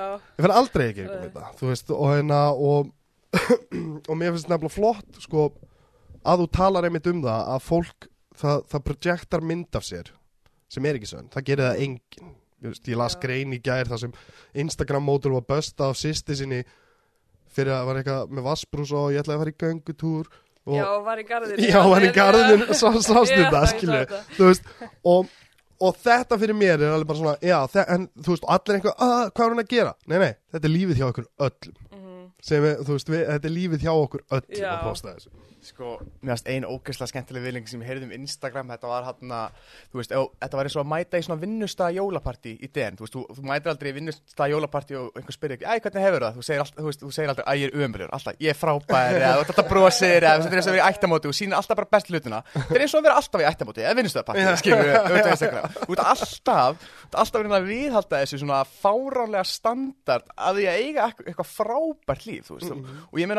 og ég veit líka, þú veist, að sérstaklega ef maður, ef maður er eitthvað, þú veist, niðurlútur og eitthvað, er að skoða og er að skoða þetta allt, þú veist, ma maður fær þessa ránkumynd af því að allir hafi það svo frábært og þú fær bara að sjá bestu bitana úr lífinu öðrum, Algjörlega. sem er ógeðslega, ógeðslega spooky, sko. en síðan nefnilega, sko, síðan er ógeðslega furðulegt ef það er einhver ein manneskja sem er bara ah, þú veist, þetta Já, ömul þetta var líður og svona, það var þetta alveg er nú fucking sita þetta á á, Instagram story. þess að maður smitast alveg, veist, ég veit allavega þegar ég, veist, ég er miklu, ég læka miklu frekar jákvæð post heldur en neikvæð post þótt að ætti ekki að vera þannig en Nei, veist, maður smitast samt svo mikið skilur af akkurat þessu, þannig að algjörlega. Mér finnst samt alveg að fólk ætti, þú veist, að posta mynd- myndum á sér, þú veist, bara grátandi og eiga umlega daga, þótt ég veit að ég myndi eiga erfitt með það, ég veit ekki hvort ég gæti það, út af því að það er þessi, það er svo erfitt einhvern veginn að vera sérstaklega svona fyrstur til að breyka normið einhvern veginn og það er líka held ég bara rosalega erfitt að sína sig þegar maður er svona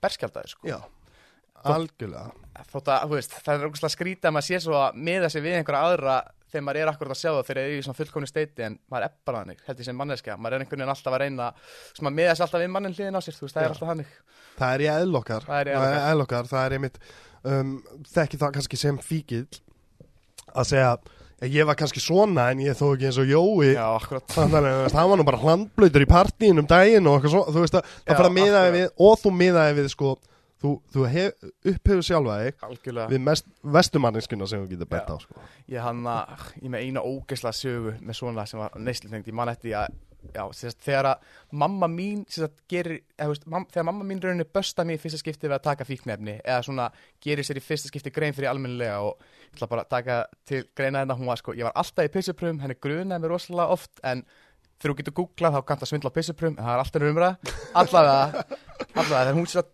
bösta mig í svona fyrsta skipti, þá er ég sér að búin að vera í neyslu nokkur ár og hann er 17 ára.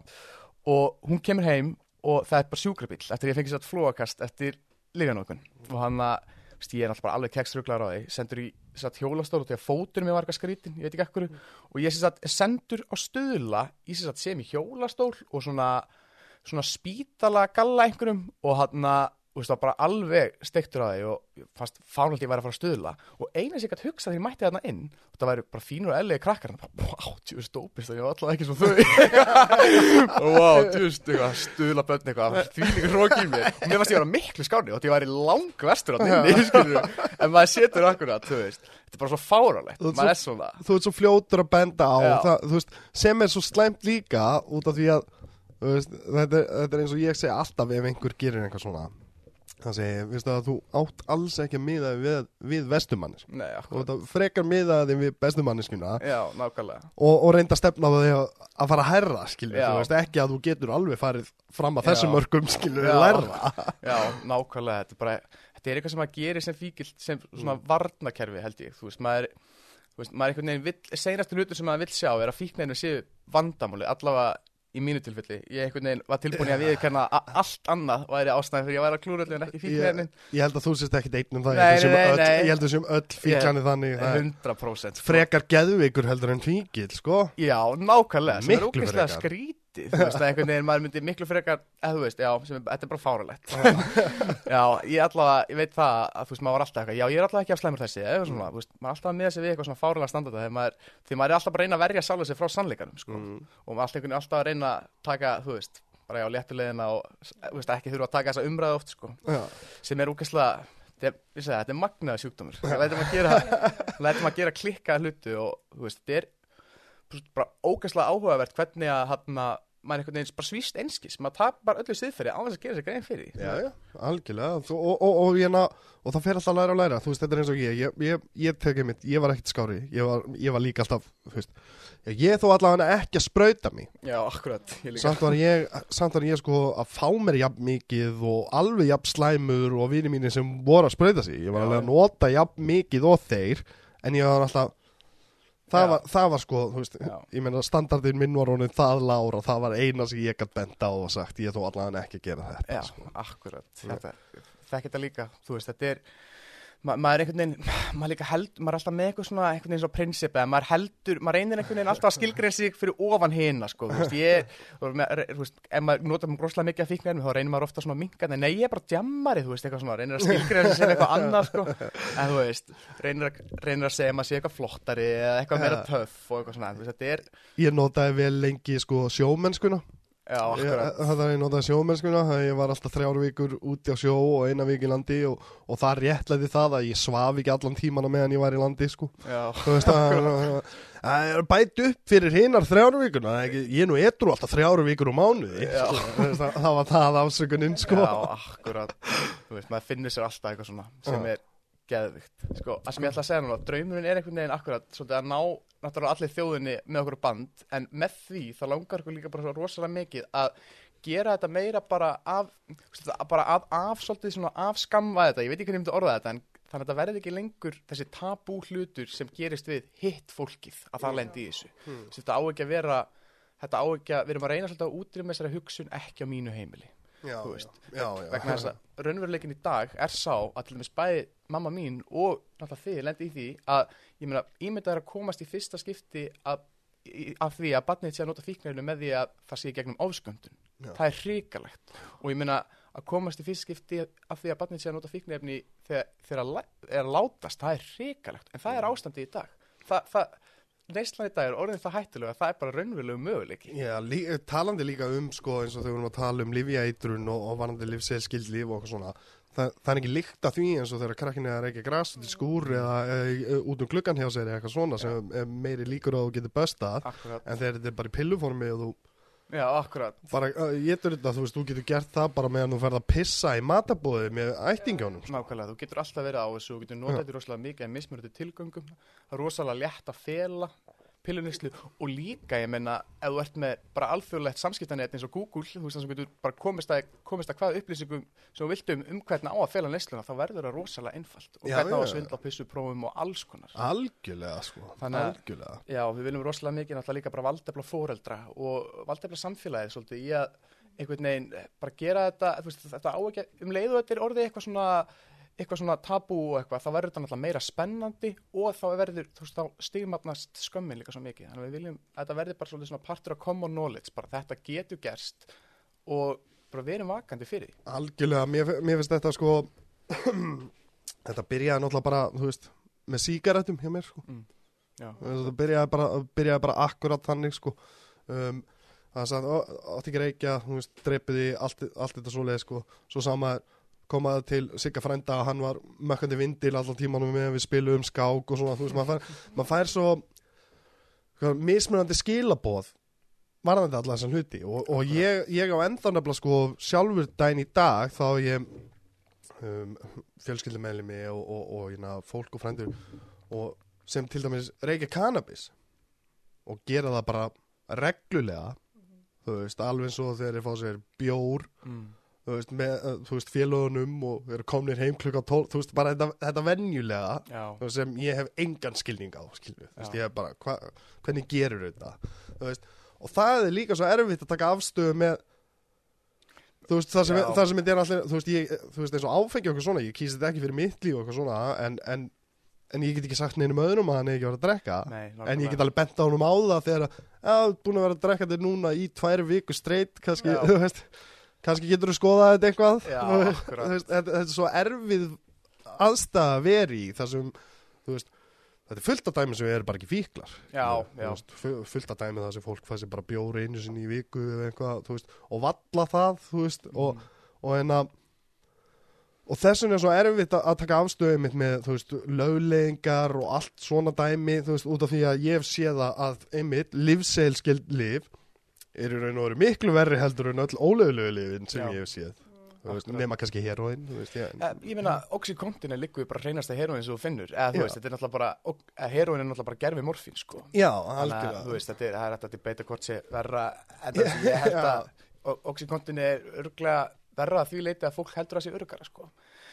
Já, út af því að þetta er Já, þetta er og það, það þetta kemur nefnilega svo oft með livseilskilda hlutanum er það að lækninni létt mér fá þetta Mm. ég á treysta honum Fyrir, eh, fyrir einhverjum gæða standardir, sko. Al- Ma- Maður heldur um sé örugur, út af því það er svona, veist, það er svona einhver, já, límið á þessu eitthvað svona, sem er, veist, maður á alls ekkert að hugsa þannig.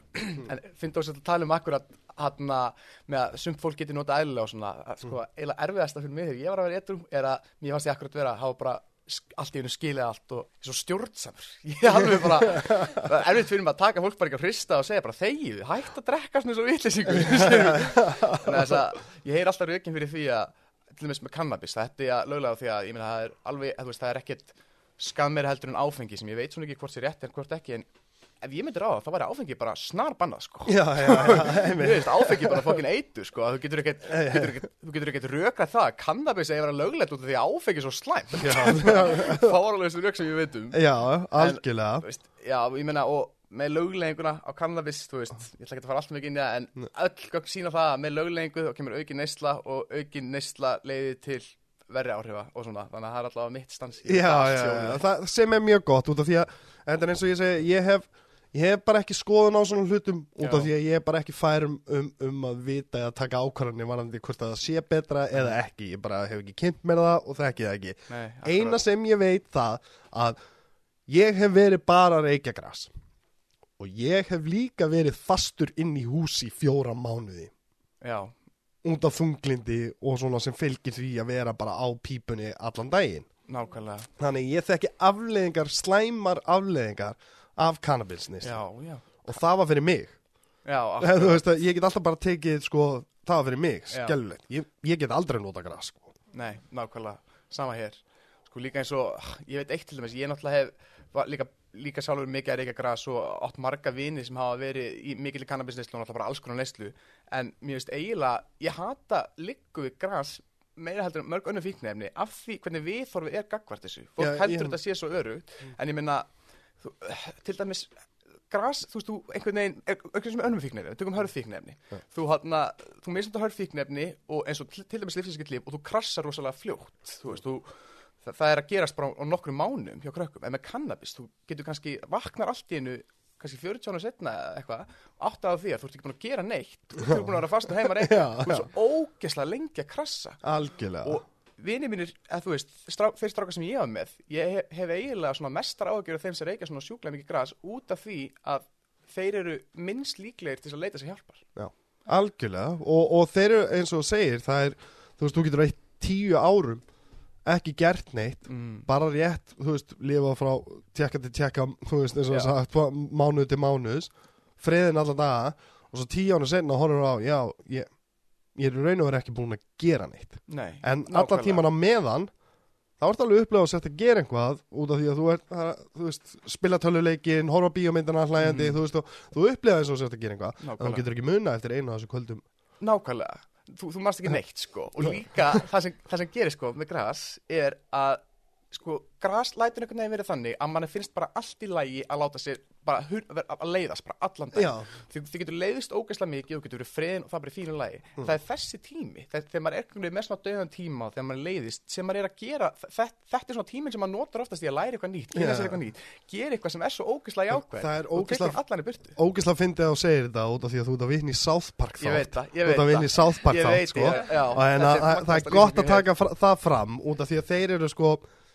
þú veist, þeir eru einmitt svona þeir, þú veist, þeim finnst ekki að grassringum og eitthvað svona en þeir eru svona og átti ekki að vera að gera þetta út af akkurat og þetta er svo rétt, þessi 100% setning þegar ég heyrði, í raun og veru þegar ég heyrði þessa setningu þá átti að ég með á því hvað cannabis var að hafa slæmum áhrif á mig Já, þetta er náttúrulega burt sér frá fíkni sjúkdómnu sem er sko Mm. Já. allt annar, a- allt annar Já. pakki bara þetta finnst mér geta verið rosalega slæmt sko og líka viðþorfið til dæmis við kannabis í ungu fólki er skilur akkurat að það finnst engum úlingum allt í lagi að drekka daglega. Þú veist, það, það, það er aldrei samfélagslega við Nei, nei, nei, nei. Það er ógeðslega, fólki finnst alveg raugrætt að þetta reyka gras daglega, það ertu bara stónir Já, algjörlega, já, já, það, er, er ekki að fara að segja við úr tvítur og drekkur ykkur um einu sem degi, já, æ, ég veist það bara Kalli, hann er bara bitta.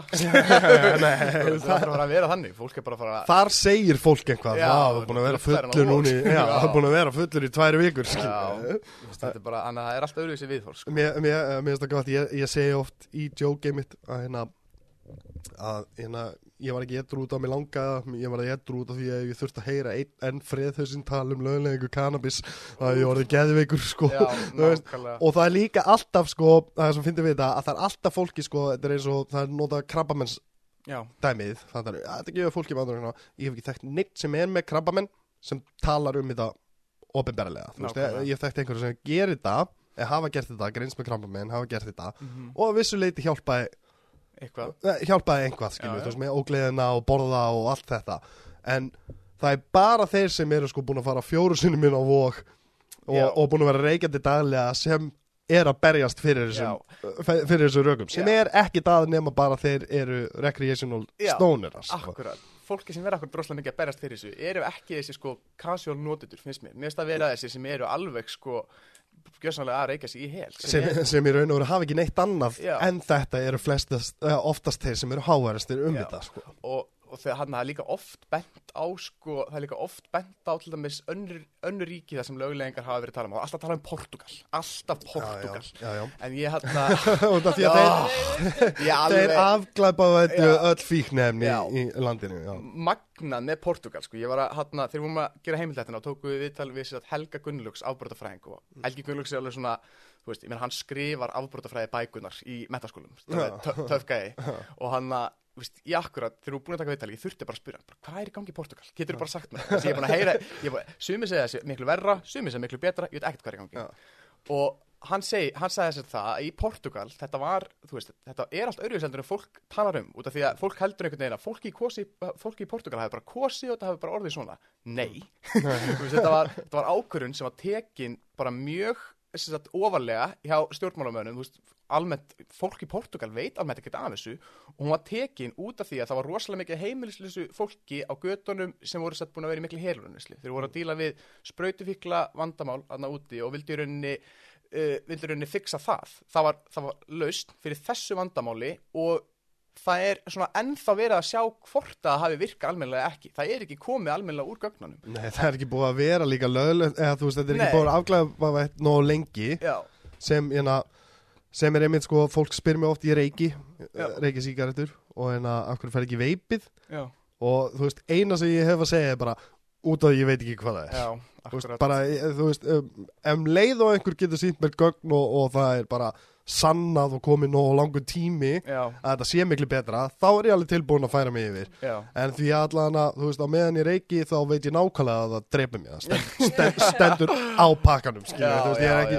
ég er ekki neinum vam um það að ég sé að gera eitthvað heimskulegt þar í staðan fyrir að vera að halda ég sé að gera eitthvað miklu að hoppara að gera eitthvað miklu Já. hotlara og svo gæti ég verið í raun og veru að gera eitthvað sem er miklu, Miklu vera verra, já, já. þú veist, ég hef ekki hugmynd um Þetta er það ekki nóg mikið rannsaka, ég er alveg samfélagi Já, það er bara, þú veist það, og það er bara vandamála með, þú veist, ekki það að þeir eru að rannsaka þetta alltaf Mhm. það þarf bara x langa tíma, þú veist hvað sígarettur eru búin að vera til bara síðan þú veist, í byrjun tímas líka við Já, og hérna það er ekki fyrir 99 sem þetta alveg, þetta er bara bila óhótt já, 50 okkar var þetta bara eitthvað. Reyktu sígarettu til að slaka á. Það eru læknirinn mæli með kamel. Já, skilur, svo bara læknanir inn á læknastofu bara mökkur reykjandi sígarettur sko. Það, það, það þarf bara x langa tíma til að fólk gerir sig grein fyrir og þetta sé rannsaka nóg og við vitum nákvæmlega hættunar sko. já, Mér sama líka með akkurat líka lögulegu kannabis, ég var akkurat að taka þessu umræði við nokkra félagið minnum daginn og við kom- sem varum að rökra þetta trekk í trekk, ógæslega lengi, en bottom line var bara að mér finnst alltaf að vera þannig, ok, ég er tilbúin akkurat, ég skoða þetta þegar ég vita meira um langtíma áhrif, Já. skilur við, en ég nenni ekki að vera eitthvað tilrunadýr þegar, þú veist, þetta er ennþá einhverju byrjun að fasa og við vitum nei, ekki nei, neitt, nei, sko. nei þegar við vitum ekki neitt síðan, já. síðan eftir 15 ár þá er bara ekki, oh, we made a huge fucking mistake Já, já, nákvæmlega. og það, það er einmitt sko, uh, er það ekki Colorado fylkið sem Jú. allir hérna, allir tala um sko eitthvað, áf, eða sem sagt bílslisinn og allt fækkuðu veist, Já. eða sagt út af áfengisneislu eða fækkuðu bílslisunum og, og hérna og ríkið fekk veist 9 miljardir dollara eitthvað Já. yfir árið inn í til að bæta heilbriðiskerfið sem er allt gott að blessa ég, Mhm. ég ætla ekki að sitja neitt út á það en það var ekki talað um, það er aldrei talað um sko að sjálfsmórstíðnin í Colorado hækkaði Já, veist, um ykkur 40% eða eitthvað fáránlega mikið sko. ég man ekki akkurat tölur en Þetta, En- þetta er svona sko, fólk, eh, þú veist, allavega þessi sem eru rosalega mikið að, að berjast fyrir akkurat þessu málstað, finnst mér, sem er kannski svona ekkert eingerið með þannig málstað, þeir með marga málstað, þeir Já. taka bara jákvæðstu byrtingamyndina og uh, náttúrulega sí, sína hana, sem er bara eins og við vorum akkur að tala um á með Instagram, þetta er bara sama. já, já, algjörlega, veist, að reyna, algjörlega. þú veist, þú, þú veist einhvern veginn að reyna bara að koma þínu fram, sko. En ég einhvern veginn, veist, maður er alveg til í að skoða þetta þegar maður veit meira, veist. Þe þeir eru einhver vitað, Já. þú veist, svo einmitt eins og þú sagðir, bara til að vera ekki einhver tilraunadýr, Já, þú veist, það, það, ég held að Bill Burr grínisti, mm. sem sagði, þú veist, já, sem sagði, þú veist, ekki fara í hárígræðslu núna, þú veist, ekki, ekki, þú veist, ekki vera tilrunadýri Já, þú veist, farði í framtíðinni þegar þeir eru búið að fullkomna þú veist, að þú veist bara- að getur fengið bara þykkt hár í hárigræslan ekki vera með, hvað sagði, mauralappir, þú veist, heftar við hausina þér, þannig að ekki vera þessi gæði, sko. Og það er svolítið hægt að, að, einmitt, þú veist, í grínformi hægt að, færa þetta yfir, ekki vera tilrunadýrið Já. það eru önnu lönd bandarækinn og alls konar svona Mhm. hlutir sem eru að gera þetta og mér finnst þetta bara ekki eiga við veist, út af því að ef þetta er slæmt Mhm. þá erum við bara eins og eitt bær í bandaríkjunum sem verður bara hana, ég hóna heimildamindin hana heroin bærin Já, einmitt, þú veist, við getum bara enda þannig ef við tökum einhverja svona Nákvæmlega. ákverðun með hana landið okkar ég, sko. ég er alveg sammála sko og þangað til, þú veist, bara,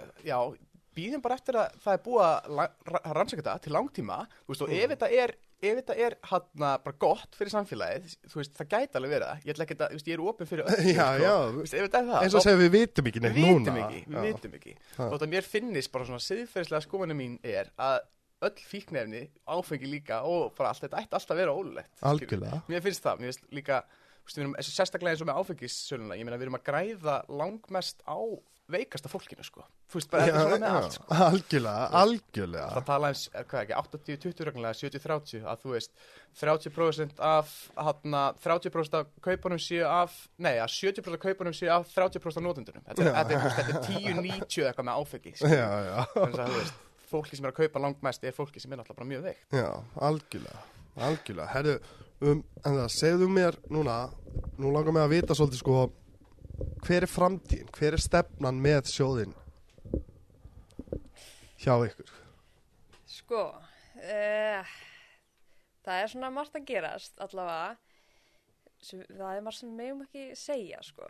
nei, Það er svona, já, í vinslu og svona við, það, mamma er búin að banna okkur að segja það. fyrir það er komið En við svona allavega svona áherslun okkar eru að bara ná sem flestum. Veist, og þá sérstaklega fóreldrum af því að þess við sáum bara þegar við vorum að fara í grunnskólana að fóreldrar voru að mæta mjög illa. Þú veist, er það, þeir mættu Já. bara mjög illa? Það voru veist, það kannski voru svona 200 fóreldrar þess að mættu kannski 10 þú veist, já, vá. þetta, þetta var bara svona í Já. öllum skólum sko. Og æðislega fóreldrar sem að komu en ég held líka ástæðan er bæði að því að það er oft fóreldrar eru eitthvað svona ægi, þú veist, krakkar í dag þeir eru bara, þú veist, drekkandi nokko og bara, þú veist, gera þetta, þetta, þetta og þú veist, kenna okkur um að við séum eitthvað voða asnarlega skilur já, en þetta er bara samfélagið sem er að breytast og gott að minnast á það að fóraldar þeirra sögðu líka þetta um þau já, þegar þau voru, þau voru ung sko. Já, þú veist, ég kem upp með líkingun oft að mamma er verið en ég í símánum, skilur við. Það er ekkert að segja að, að unga fólki sé slemt í símánum, skilur við, eldra fólki er það líka. já, Þannig að, þú veist, við erum bara svona, viljum ná til þeirra, til, þú veist, að þetta er svo mikilvægt að þau læri þetta. Já. Að, en það er oft hugsunin, skilur við, að þetta er þetta vandamál, þá þarf ég ekki að koma og hugsa að því það er ekkert að hjá mér. já skilurðu. þetta, þetta er ekki í, í kringum mig Já. Já algjörlega, sem, sem er ótrúlega algengt um, bara svo ég segi, svo ég vitni í móðir mína sjálfa sko, sem ég hef aldrei komið nála Já, það er, já. hún skilur þetta bara ekki, þú veist, það er bara aldrei komið nála þessu, aldrei prófað neitt og Mm. aldrei, þú veist, skil ekki hvernig þetta gerist Nei, akkurat. Við heyrum reglulega þú veist, fólöldur um svona þú veist, æ, þetta er svo leðileg rapptónlist ég skil ekkert hvað það er að segja maður svona, já, já, þú veist, mamma mín heldur ekkert að, að hlusta á þetta en hún samt vill vita hvað er að syngja um skilur að því að litli bara minni að hlusta á þetta skilur, þetta er bara eitthvað sem að þau þurfa að læra og þú veist þetta er alveg svona bara með skóla þú veist, eru að senda okkur í grunn, þú veist, við þurfum að fara í grunnskóla og við fyrir framhaldsskóla og við þurfum að læra eitthvað, þú veist, íslensku eða eitthvað sem við höfum engan áhuga á. Þú veist, íslendingasögu eða eitthvað sem að, þú veist, við þurfum að læra þetta. Okkur þurfa þau þá ekki að læra eitthvað svona sem að við erum að upplifa algjörlega, samfélaginu. algjörlega. Se- sem er sko jafnvel, jafnvel í framtíðinu var vonandi frábært að hafa fræðslu um, mandatóri í skólum mm það, er, það væri náttúrulega draumurinn það sem er bara áfangi kendur sko. já, Veist, það væri náttúrulega æðislegt Mhm. út af því að svo ég fá að spúa smá hatri þá er, hérna, þá er ég sko langt frá því að vera tengdur einu en einu trúabræði og ég man eftir kristinfræði mm í grunnskólum sem kent, var kent sem staðreind og, hérna, og, og, hérna, og, og ég ætla ekki að segja það að ég, ég, ég stið alla til að trúa. Fattar þau, fyndu þess trú og, hvað sem það er bara, þú veist, þú veist það er bara frábært fyrir alla, ég alveg mitt veist, minn æðri mátt ef svo má orði koma og trú og treysti á það. Og hérna en þetta var kent sem staðreind þetta var kent sem staðreind þeirri Jórungur Já, svo- já. sem er, sem er bara mesta vitlesa sem ég hef heyrt þú veist, ok, það sem við erum að tala um er sko margvísilega vísindalega sannað með fíkn og þú veist, og það er vísindalega sannað. Þú veist, við getum farið, við getum farið að leita upp gögnum og segja bara, þú veist, svona er þetta. Þannig er um, í raun og veru fyrir mér einhvað sem er algjör uppspunni það er kent sem staðreind um leið og ég fer að mynda sjálfur skoðanir á hlutum þá fer ég að benda á bara er, er þetta ekki svolítið mikið þetta er, þú veist, hún, hún kontradikta sér stanslaust þessi bók og, og þú veist, og það er rosalega mikið litið niður á konur. Þannig að þú veist, það var bara með fyrstu hluti sem ég tók eftir í, í Kristitrú sem var alveg svona, wow, þú veist. Það er alltaf vændiskonur og einhver svona þú veist, það er allt einhvað já, elsta, elsta starfs starfsheiti í heiminum skilja, þú veist, þetta er, þetta er allt einhver svona ég, alveg, veist ég er ekkit alveg tilbúin að vera að kaupa allt sem við verðum að segja hérna. Og mér var kent þetta sem staðrein og þarna er ég strax færin að draga ef að allt sem við verið að kenna mér Já, já. þú veist, ég lendi því og, veist, ég lendi nefnilega því í í uppreisninni minni að út af því að akkurat eins og við vorum að tala um, þú veist, þeirra er ekki fræðslan og einhver svona og, og að lendi því að einhver svona sem sé kent sem staðinn svo þegar þú byrjar að mynda sjálfsögur skoðanir á hlutum og átt að á því að það er ekkit alveg til neinn gögn Mhm. til að sannreina einn eða einn af þessum hlutum sko. veist, og þess vegna kallast þetta trú faith, að, Já, þú veist þess vegna ef þú trúir kristi trú, þá ertu með faith. Þá, Mhm. þá leggur þú trú þína á þetta samankvæmt sem það staðrinda ekki. Og, og ég, var, ég var ekki alveg þannig. Og þannig byrjar gaggrín hugsun og þá byrjar allt sko veist, var þetta sígarettur var þetta áfengi, Mhm. veist, ekki drekka, ekki reykja, allir þessi hlutir, þú veist, þannig að nei, veist ég ætla að prófa að þú veist, og, og það gerist allt í kringum fermingu hjá mér Þú veist, svona hafna, þú var svolítið svona Já, Já, Já. og því, þú veist, maður er svolítið svona þarf akkurat að kaupa, þá maður að læra það svolítið að maður er ekki bara kent fakta hluti eða staðrenda hluti. Já, já, sem, sem var upplifinni mín bara á þessu. Þannig að, að mér finnst persónlega að það ætti að vera tekið inn svona hlutir sem er bara, þú veist, þú, þú ferðin á vóg eins og, eins og við höfum gert, Mm. ferðin á vóg og allir sem eru fíklar tengja, uh, veist, tengja við þetta allt, segja, ég sat hana og allt innum var verið að skrifa um mig á töflunni það, þetta, þetta er bara algengasta setning fyrir alkoholista sem fer inn á vók. Það er bara, ég, ég held að ég væri geðvikur eða skrítin eða einstakur eða sérstakur og svo bara, þú veist, átta fyrirlestrar í einni viku um mig. Nákvæmlega, maður er ekki svona, er ekki svona merkilegur sem maður held sko. nei, nei, nei, nei, er ekkert einstakur, sko. Já, Já. sem er geggjað sko Það er ógeðslega góð tilfinning. Sko, já, hann að erum, ég akkurat var líka svona mér langaði akkurat svo að láta sérstaklega krakka vita að þessi sjúkdómur væri til og þessi sjúkdómur er svo sjúklega áhugaverð sko. Algjörlega. Því að það er bara magna að einhvern veginn að maður geti einhvern veginn bara, þú veist, það er ógeðslega leðilt að fólk maður þurfa að læra þetta bara vogi, sko. Já. Þú veist, það er ógeðslega böggandi að maður er alltaf að fyrsta vita um þetta þar. Og líka fólk, fólk í raun og veru afneitar þessu sem sjúkdóm Já. út af því að þegar þú tengir við sjúkdóm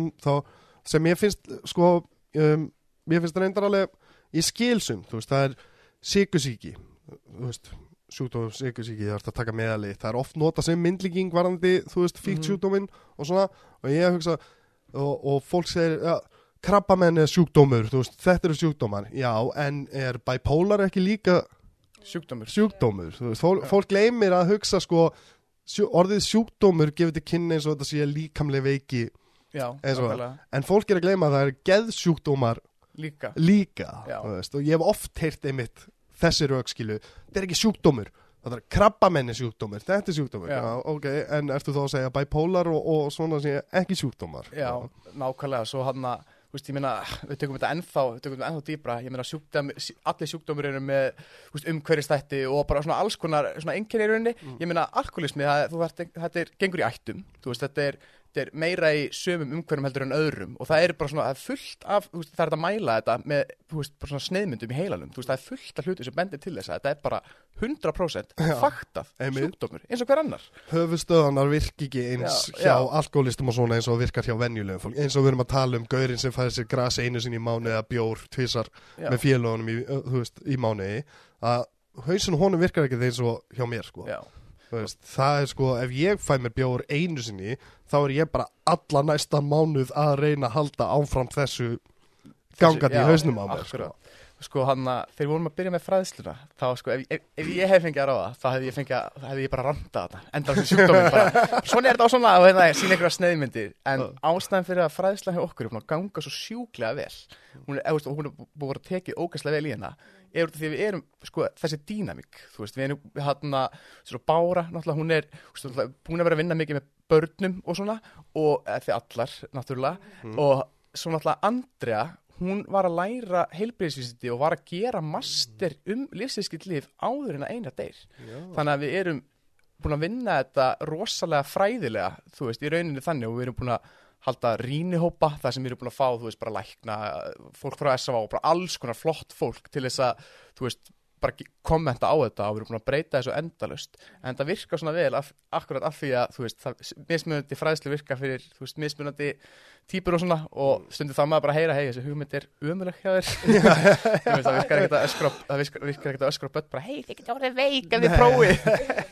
En, en mér finnst samt akkurat að það er mjög verðut að krakkar eiga að læra um að þetta séu bara veikið þessu hver önnur þá líka tekur skömminar rosalega mikið af.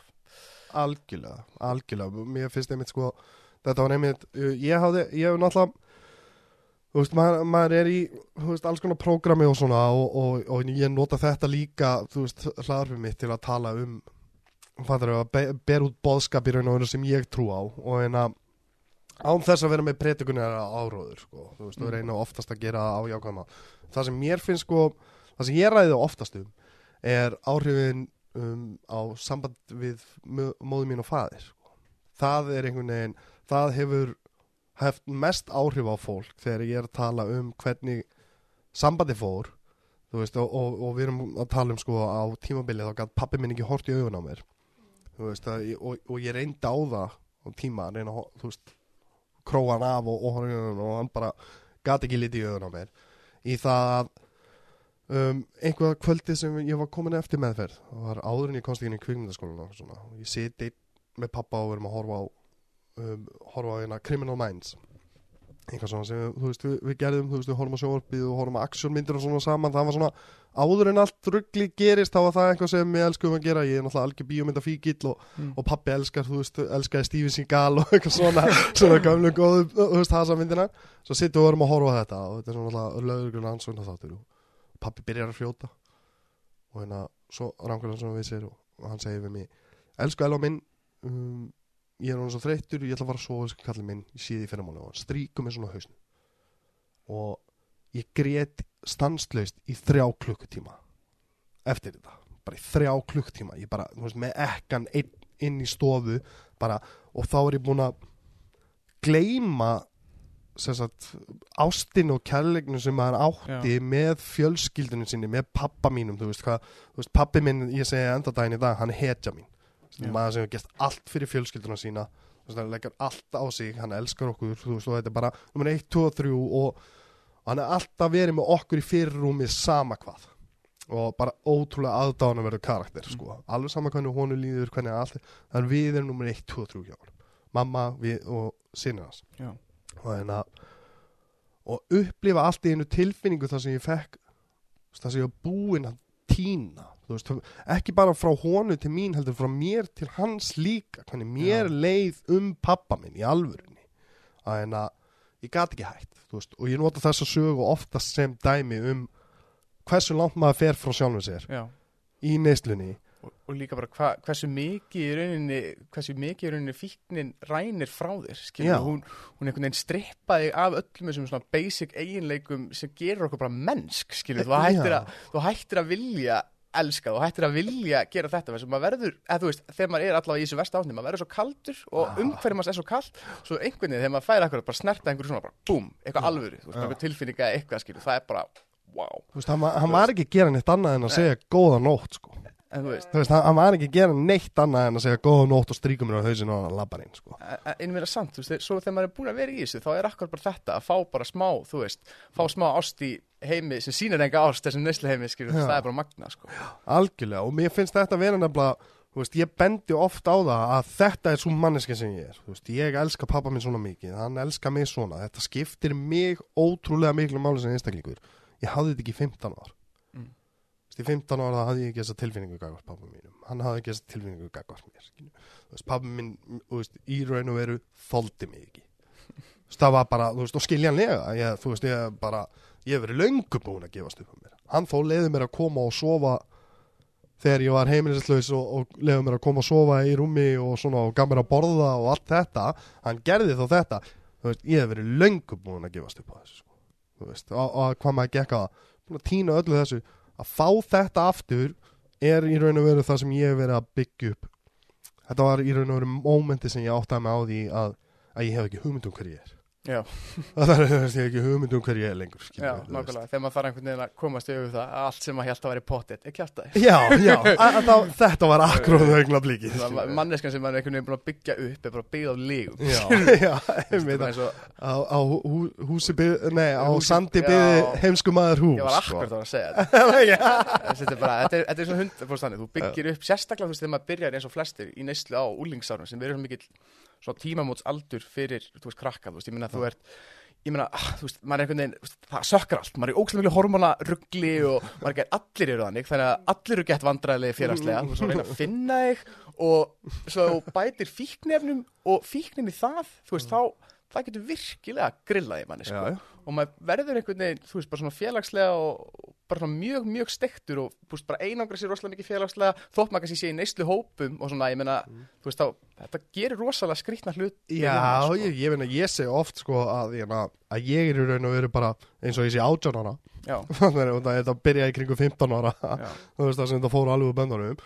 Og ég er bara komin þrjú ár frá því veist Jú. bara ennþá að reyna að byggja upp og vera ellur og rosalega lengi að, þú veist, maður er rosalega lengi að jafna sig að fullu Já. þú veist, fólk getur kannski alveg, þú veist tekið, þú veist, tvo, þrjá mánuð þar sem maður er svona alveg góður. Ég, mann þegar ég var til dæmis búin að vera eitthvað í þrjá mánuð mér fannst ég vera, mér fannst ég aldrei hafa verið betri en svo tvei mánuðum eftir það, þá var ég að hugsa djöðlar í stúpid fyrir tvei mánuðum, djöðlar var ég ennþá já, skilur við þannig að ég á örgulega eftir að lendi í nákvæmlega sama eftir eitt ár eða, Al, veist, já. Þú veist algengast hjá mér eftir eðurmennskuna er það að á ársfresti þá átta ég mig á því að ég er ekki að vinna nógu Já. mikið sjálf Akkurat. þú veist það, það ég kom með auka ár nú er ég búin að lifa þrjú ár það er þrjú þrjá heila ringja af nýju minningum á réttum vanna og alltaf á þessu ári þá ég sagði það er bara, þú veist, ég, ég held ég sé komin ógeðslega langt út að ég komið með þrjú ár en það er bara ógeðslega langt í land. Já. ég þarf, að, ég þarf að ennþá að vera stefna því að bæta mig, ég get ekki hugsað já, ég er honum góður. Já.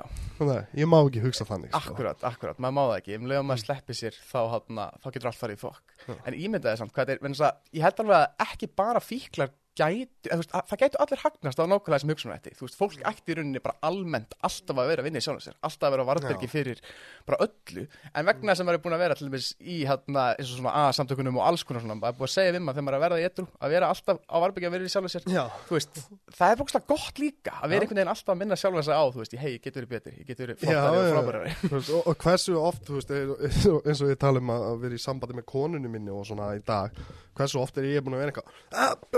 og fyrir að rífast og svona. Og svo bara, þú veist, nokkur klukkutíu senna það er eitthvað það er það elska mín, bara, þú veist, bara og þetta er hár rétt hjá þér, ég er bara búin að vera skítæll og, og bara fyrir geðu. Þetta er eitthvað sem ég þarf að vera í, skilju, þú veist. Og það er alveg fáránlegt út af því að eins og ég sagði, þú veist, ég hefði bara verið svona áður þangað til að hún kom að beðast afsökunar þótt að hún hefði ekkert að beðast afsökunar um, þú veist, bara, bara svona ó, ég er að enda þetta, þetta fílukast skilju, ég hefði bara verið þannig og geta núna litið á sjálf mig og, og komið tilbaka alveg bara, heru, ég er búin að vera að hugsa um það sem þú varst að segja. Það er bara algjörlega rétt. Þetta er einhvað sem ég þarf að vinna í betur í sjálfum mér. Ég ætla að Mhm. gera það. Og, það er, og takk fyrir, þú veist, ég reyna að, ég segja takk fyrir að benda mér á ennan galla í sjálfum mér. Já, já Ég held nefnilega, ég er nefnilega rosalega þakkláttur fyrir að ég hafi, þú veist, ég, myndi aldrei taka þetta allt tilbaka einhvern veginn með neysluna og svona, út af því að þetta neyðir mann einhvern veginn til þess að akkurat taka út þennan andlega þroska bara strax, eða svona pínu. Og þú þarft að vera svona andlega þroska til að geta hort í speilin og vera bara, wow, ok, já, ég þarf að þetta með hjálpar. Já, já, þe- þetta er ekki rétt hegðun hjá mér. Já, já, það er ógeðslega erfitt að komast í augu við þetta en um svona að gera það þá ertu miklu, þú veist, það áttu miklu auðveldra með að sjá galla í sjálfur og vinna með þá, þannig að þetta er líka þú veist, það er ógeðslega jákvætt að einhvern veginn að fara í gegnum þetta ferli að verða eitthrú því að þetta er svo rosalega gefandi að geta sætt sig við það að maður er ekki fullkominn. Já, einmitt. Ég, ég, ég, ég, er nefnilega hjartalega samanlega varandi það að, að ég myndi ekki breyta neinum að sjálfsög er ég með fullt af eftirsjáum og, og, og, og allt þannig.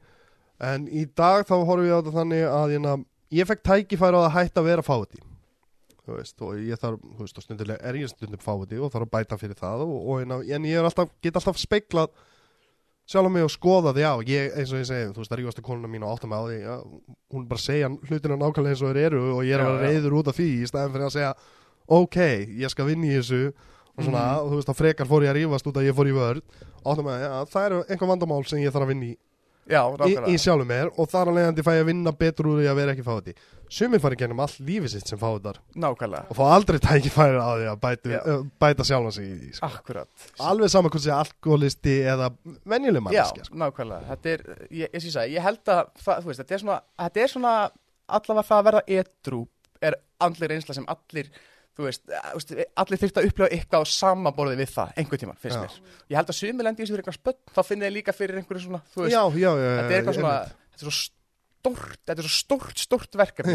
Og þegar þú hægt að fara í gennum svo stór, stór verkefni þá þarftu ofta að taka í gegn einhvern andlegan þroska og svona, og ég held að það sé gott fyrir alla. Nó, algjörlega.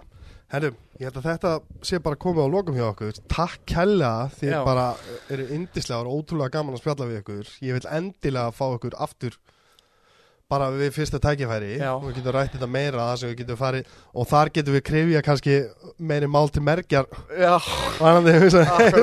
eins og þið langar. Og það, Já, það, það er það fallega við það að vera með hlaðvarpstátt er það að við getum gert það sem við viljum við hann.